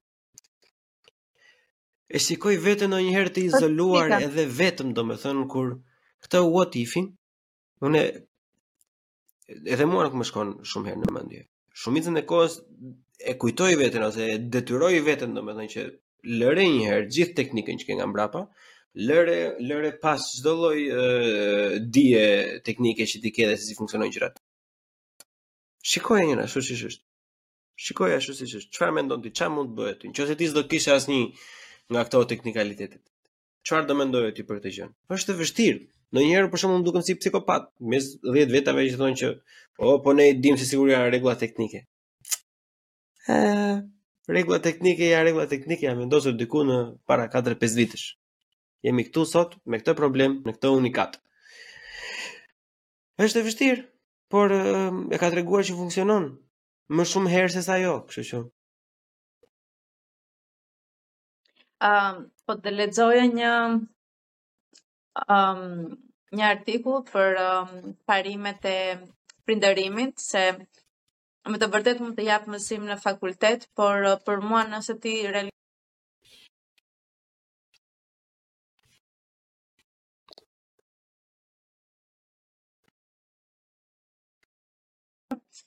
edhe me gjithmonë me dëshirën për të kuptuar edhe backgroundin edhe uh, mënyrën e formimit të brezit të ri, dhe shifja uh, një analogi dhe thoshte janë dy sisteme prindërimi. Uh, prindët të cilët kërkojnë të jenë perfekt, uh, dhe cilët uh, dhe pre, modeli i prindërimit që kërkon të jetë mjaftueshëm i mirë. Edhe në shembullin e parë tregon raste të prindërve që uh, i japin fëmijëve të gjitha mjetet, uh, i japin kushtet perfekte, situata ideale. Mund të themi janë fëmijë që më lejo ta përdor fjalën trauma, për mua është pak e ekzagjeruar pa asnjë trauma. Dhe ke edhe një sistem tjetër, që është të jesh një prind mjaftueshëm i mirë që krijon kushtet minimale, por ama lejon fëmijën të kalojë situatat e vështira, të ketë traumat e veta, por krijon mekanizmat të cilat ai di t'i përballet pikërisht këtyre sfidave dhe traumave. Dhe shofim që në rastin e prindërve që kanë atë sistem dhe atë dëshirën që të jenë prindër perfekt, shofim që pikërisht te këta fëmijë kemi shfaqje të uh, stresit, shenjat e para të depresionit, uh, një pamundësi për të pranuar dështimin, uh, paaftësia për të pranuar dështimin është shumë evidente vitet e fundit, uh, mungesa e um, durimit për të kapërcyer faza, nevoja për t'i bërë gjërat shpejt, pse, se në këtë formë i kanë marrë. Është pikërisht reflektimi, ne nuk mund të bëhemi më të duruar nëse nuk kthehemi po pikërisht tek bazat të cilat ne jemi formuar. Dhe në të rastin e kundërt, në atë sistem prindërimi që është mjaftueshëm i mirë, kemi fëmijë të cilët uh, mbase nuk janë absolut, por kanë aftësi fleksibiliteti, kanë aftësi për të uh, dhënë zgjidhje, kanë mekanizma të cilat nuk i përjetojnë dështimet në mënyrë personale kanë aftësi për të qenë të tërhequr ndaj situatës dhe janë uh, më të aftë të rikthehen dhe të uh, rikthehen në këmbë. Dhe në këtë pikë ti arrin të kuptosh që dhe me të vërtetë ti mund të kesh atë dëshirë të jesh ai prindi perfekt, por a është ai modeli dhe mënyra e duhur? Edhe aty fillojnë të gjitha këto lloje. Edhe me sa kam lexuar unë në psikologji edhe edhe filozofi, ai model asnjëherë nuk do funksionojë dhe matematika mua më çon të besoj që asnjëherë nuk do të funksionojë edhe në të ardhmen. Ë sepse un jam i bindur tashmë që ky perfeksionizmi që që që jepet tek që që parashtrohet tek fëmijët, domethënë që duhet të kenë të gjitha në çdo lloj momenti, i detyron fëmijët të qëndrojnë fëmijë edhe kur nuk duhet të jenë fëmijë. Edhe kur e kalojnë moshën për të qenë fëmijë, ata prapë janë fëmijë, se mendojnë sepse e gjithë bota, domethënë, aty janë egocentrik që edhe dielli edhe planeti rrotullohet rreth tyre dhe çdo gjë do t'i përputhet egos vet. Edhe kjo ka sjellë jashtëzakonisht shumë probleme, domethënë, jo vetëm në industri, po edhe në shumë shumë shumë fusha të tjera të jetës. Kjo mbase mbase do ishte edhe një një bisedë akoma tjetër më e gjatë që do të fokusoheshim, por ama nuk do të të mbaj shumë në këtë mbrëmje që po ne që po e regjistrojmë, mendoj se është një pikënisje le të themi për një një puntatë të dytë që unë me shumë kënaqësi do të doja të kisha përsëri pasi e shijova çdo çdo sekond të, të kësaj bisede. Edhe është ndjehem mirë që më në fund të flas me një arkitekte që e ka durimin të dëgjojë. Edhe pse jam duke ja futur kot mbase në shumicën e gjërave, por që prapë është durueshëm mjaftueshëm sa thotë që ok, you, you let it out. I'm I'm I'm going to be there. Kështu që secili ka për të dhënë atë pjesën e vet nga vetja, kështu që minimumi që mund të bëjmë është të dëgjojmë. Është një aftësi tjetër që ja sugjeroj të gjithëve duhet të kultivojmë aftësinë për të dëgjuar, për të dëgjuarit në mënyrë aktive. Po. Jo, jo, injorimi është shumë i keq. Më mirë ik fare se sa ta injorosh tjetrin e të bësh sikur dëgjon. Po, aty jam dhe unë i njëjti që është është e keqe shumë. Ka ditë ku njerëzit vinë dhe punojnë me qelqin. Ku të ndjekin nëse je në, në social media ose në platforma që mund të kesh në dispozicion. Më Më keni në Instagram, Joana Diamandi, por mund të ndiqni disa nga punimet e mia tek Diamandi Studio. Aty kam punime në fushën e arkitekturës, interierit, por periudhën e fundit jam totalisht e fokusuar në punimet e xhamit. Kush të dojë mund të vijë të ndjekë një glass experience, të bëhet edhe një herë fëmijë duke ardhur në studio dhe duke realizuar produktet e veta prej xhami për të rigjetur edhe një herë atë fëmijën që ka këtë nga, nga që u po pra, futëm shumë thellë në në në bisedën ja prap edhe ajo egoja që dua të diskutoj atë për që dua unë e më më, më doli fatkeqësisht nga mendje fare punim xhami në Shqipëri e trashëguar nga familja Jashtëzakon po, shumë interesant, nuk kam dëgjuar asnjëherë për këtë lloj gjëje, domethënë, dhe jam goxha kurioz. Çfar për çfarë bëhet fjalë specifikisht?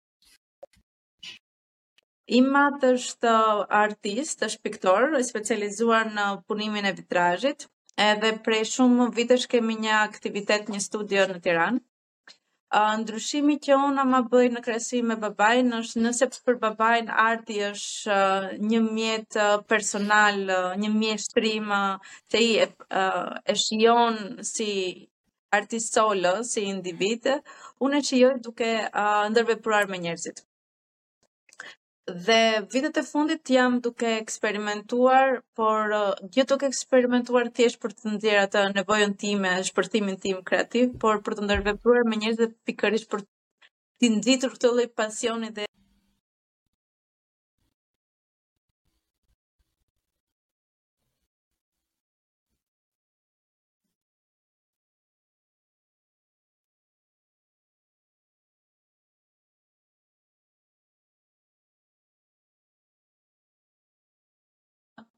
më e lashtë, më e vjetër që ne shohim edhe nëpër kisha katolike, por kemi edhe teknikën fuzion që është pjekja e qelqit në temperaturë 850 gradë.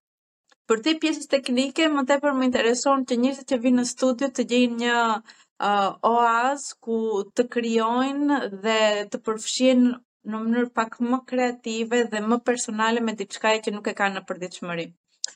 Dhe për sa i përket veprimtarisë time artistike, më intereson të ndërveproj vazhdimisht me komunitetin. Uh, ekspozita ime e fundit që zhvillova para 2 muajsh uh, tek Parking Gallery pranë komunitetit të uh, Pakicave Kombëtare ishte një uh, fushat sensibilizimi për uh, riciklimin e shisheve të qelqit, ku i kërkova komunitetit, restoranteve, njerëzve, individëve të sillnin uh, produkte qelqi që kishin në shtëpi dhe nuk i përdornin si kavanoza shishe. Disa prej tyre mund të bënin, uh, mund të zhvillonin uh, produktet e tyre, por uh, në rastin tim ato ishin uh, materiali dhe baza që unë të krijoja skulpturat e mia për të treguar që mund të kemi një impakt pak më pozitiv në botën e cila na rrethon. Qoftë edhe nga gjëra të cilat konsiderohen mbetje, ne mund të krijojmë gjëra të cilat mund të kenë një grimcë të së bukurës. Ja mandi, një pyetje që më bëhet mua si individ gjithë gjithë kohës, po ta bëj dhe unë ty. Ku e gjen kohën të merresh me gjithë këto gjëra? Për mua nuk është problem i kohës, është aftësia jote për të prioritorizuar gjëra që ty të interesojnë. Në moment që ti ke aftësi për të vënë prioritete, çdo gjë mund të bëhet. Po e do robi një kafe, shumë thonë një, e do robi, rri e pushon një, një ditë, një ditë të diele, pse, ça bën Abusi, bën Abusi, regjistrime të dielën, po, jo, la fli gjumë të dielën, pi një kafe, pse do merresh ti me regjistrime?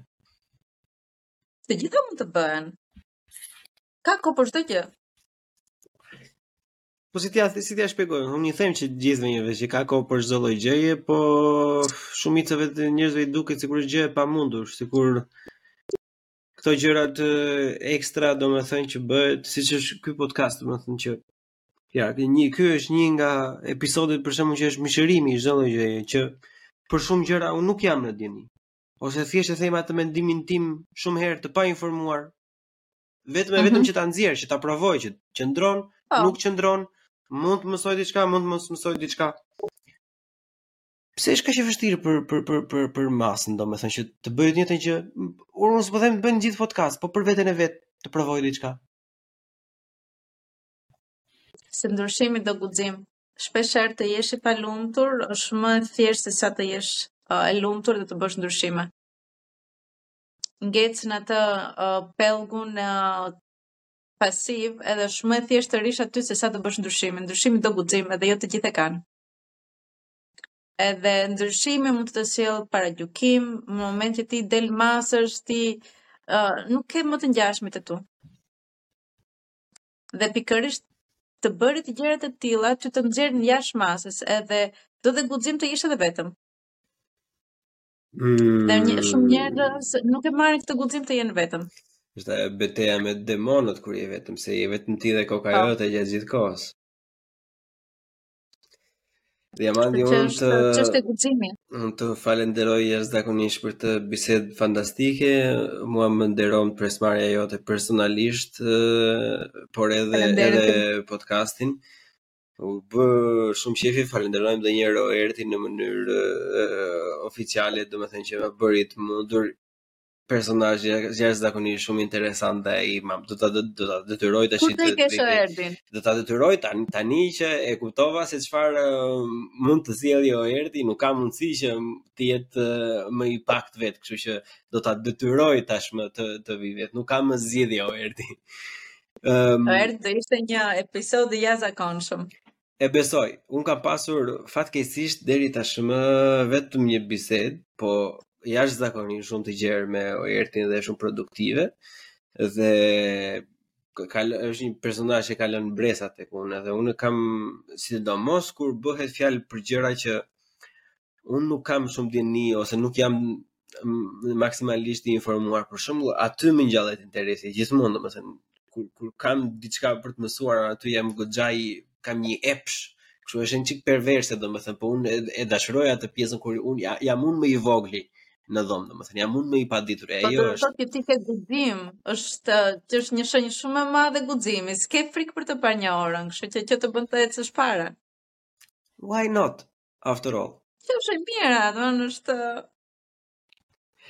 Gjithsesi, unë të falenderoj njerëz çfarë u përmendëm përpara për Instagram dhe për të tjera, ne do i diskutojmë pas regjistrimit së bashku dhe do i vendosim linkun në përshkrimin e videos që juve mund të jeni thjesht një klik larg ndjekjes dhe shiko, edhe unë Po, m'u dha rasti, do vete do ta provoj të njëjtën eksperiencë, kështu që ju ftoj të gjithëve, sidomos ata që e kanë mundësinë, po me sa e kuptuat në këtë episod, nuk është shumë tek mundësia, është më shumë tek prioriteti. Kështu që vendosni në prioritetet dhe dëshirat e duhura në vendin e duhur, investoni në veten tuaj, bisedoni bëni gabime. Aman, ju lutem bëni sa më shumë gabime, se kur dhemb, atëherë atëherë bëhet më më më e qartë gjëja se si është, edhe jini mendjehapur gjatë gjithë kohës se gjërat e mira janë kudo, mjafton të kesh guxim mjaftueshëm që mbas Shumë gjërave të këqija për shembull të presësh atë atë atë diamantin e vogël që do të zbukuroj një, një pjesë të madhe, domethënë që do vijë nga pas. Unë ju përshëndes të gjithëve. Ndiqeni podcastin. Ndiqeni profe, mund të them profesoreshë? Artisten, Joanën, Diamantin. Ndiqni uh, arkitektën, profesoreshën, artisten, mbase deri diku edhe edhe le të themi një guru modeste e pjekjes emocionale profesionale artistike siç e perceptoj un zonjushën ose zonjën Joana Diamanti deri herën tjetër un ju përshëndes të gjithëve dhe e kalofshi shumë bukur mirupafshim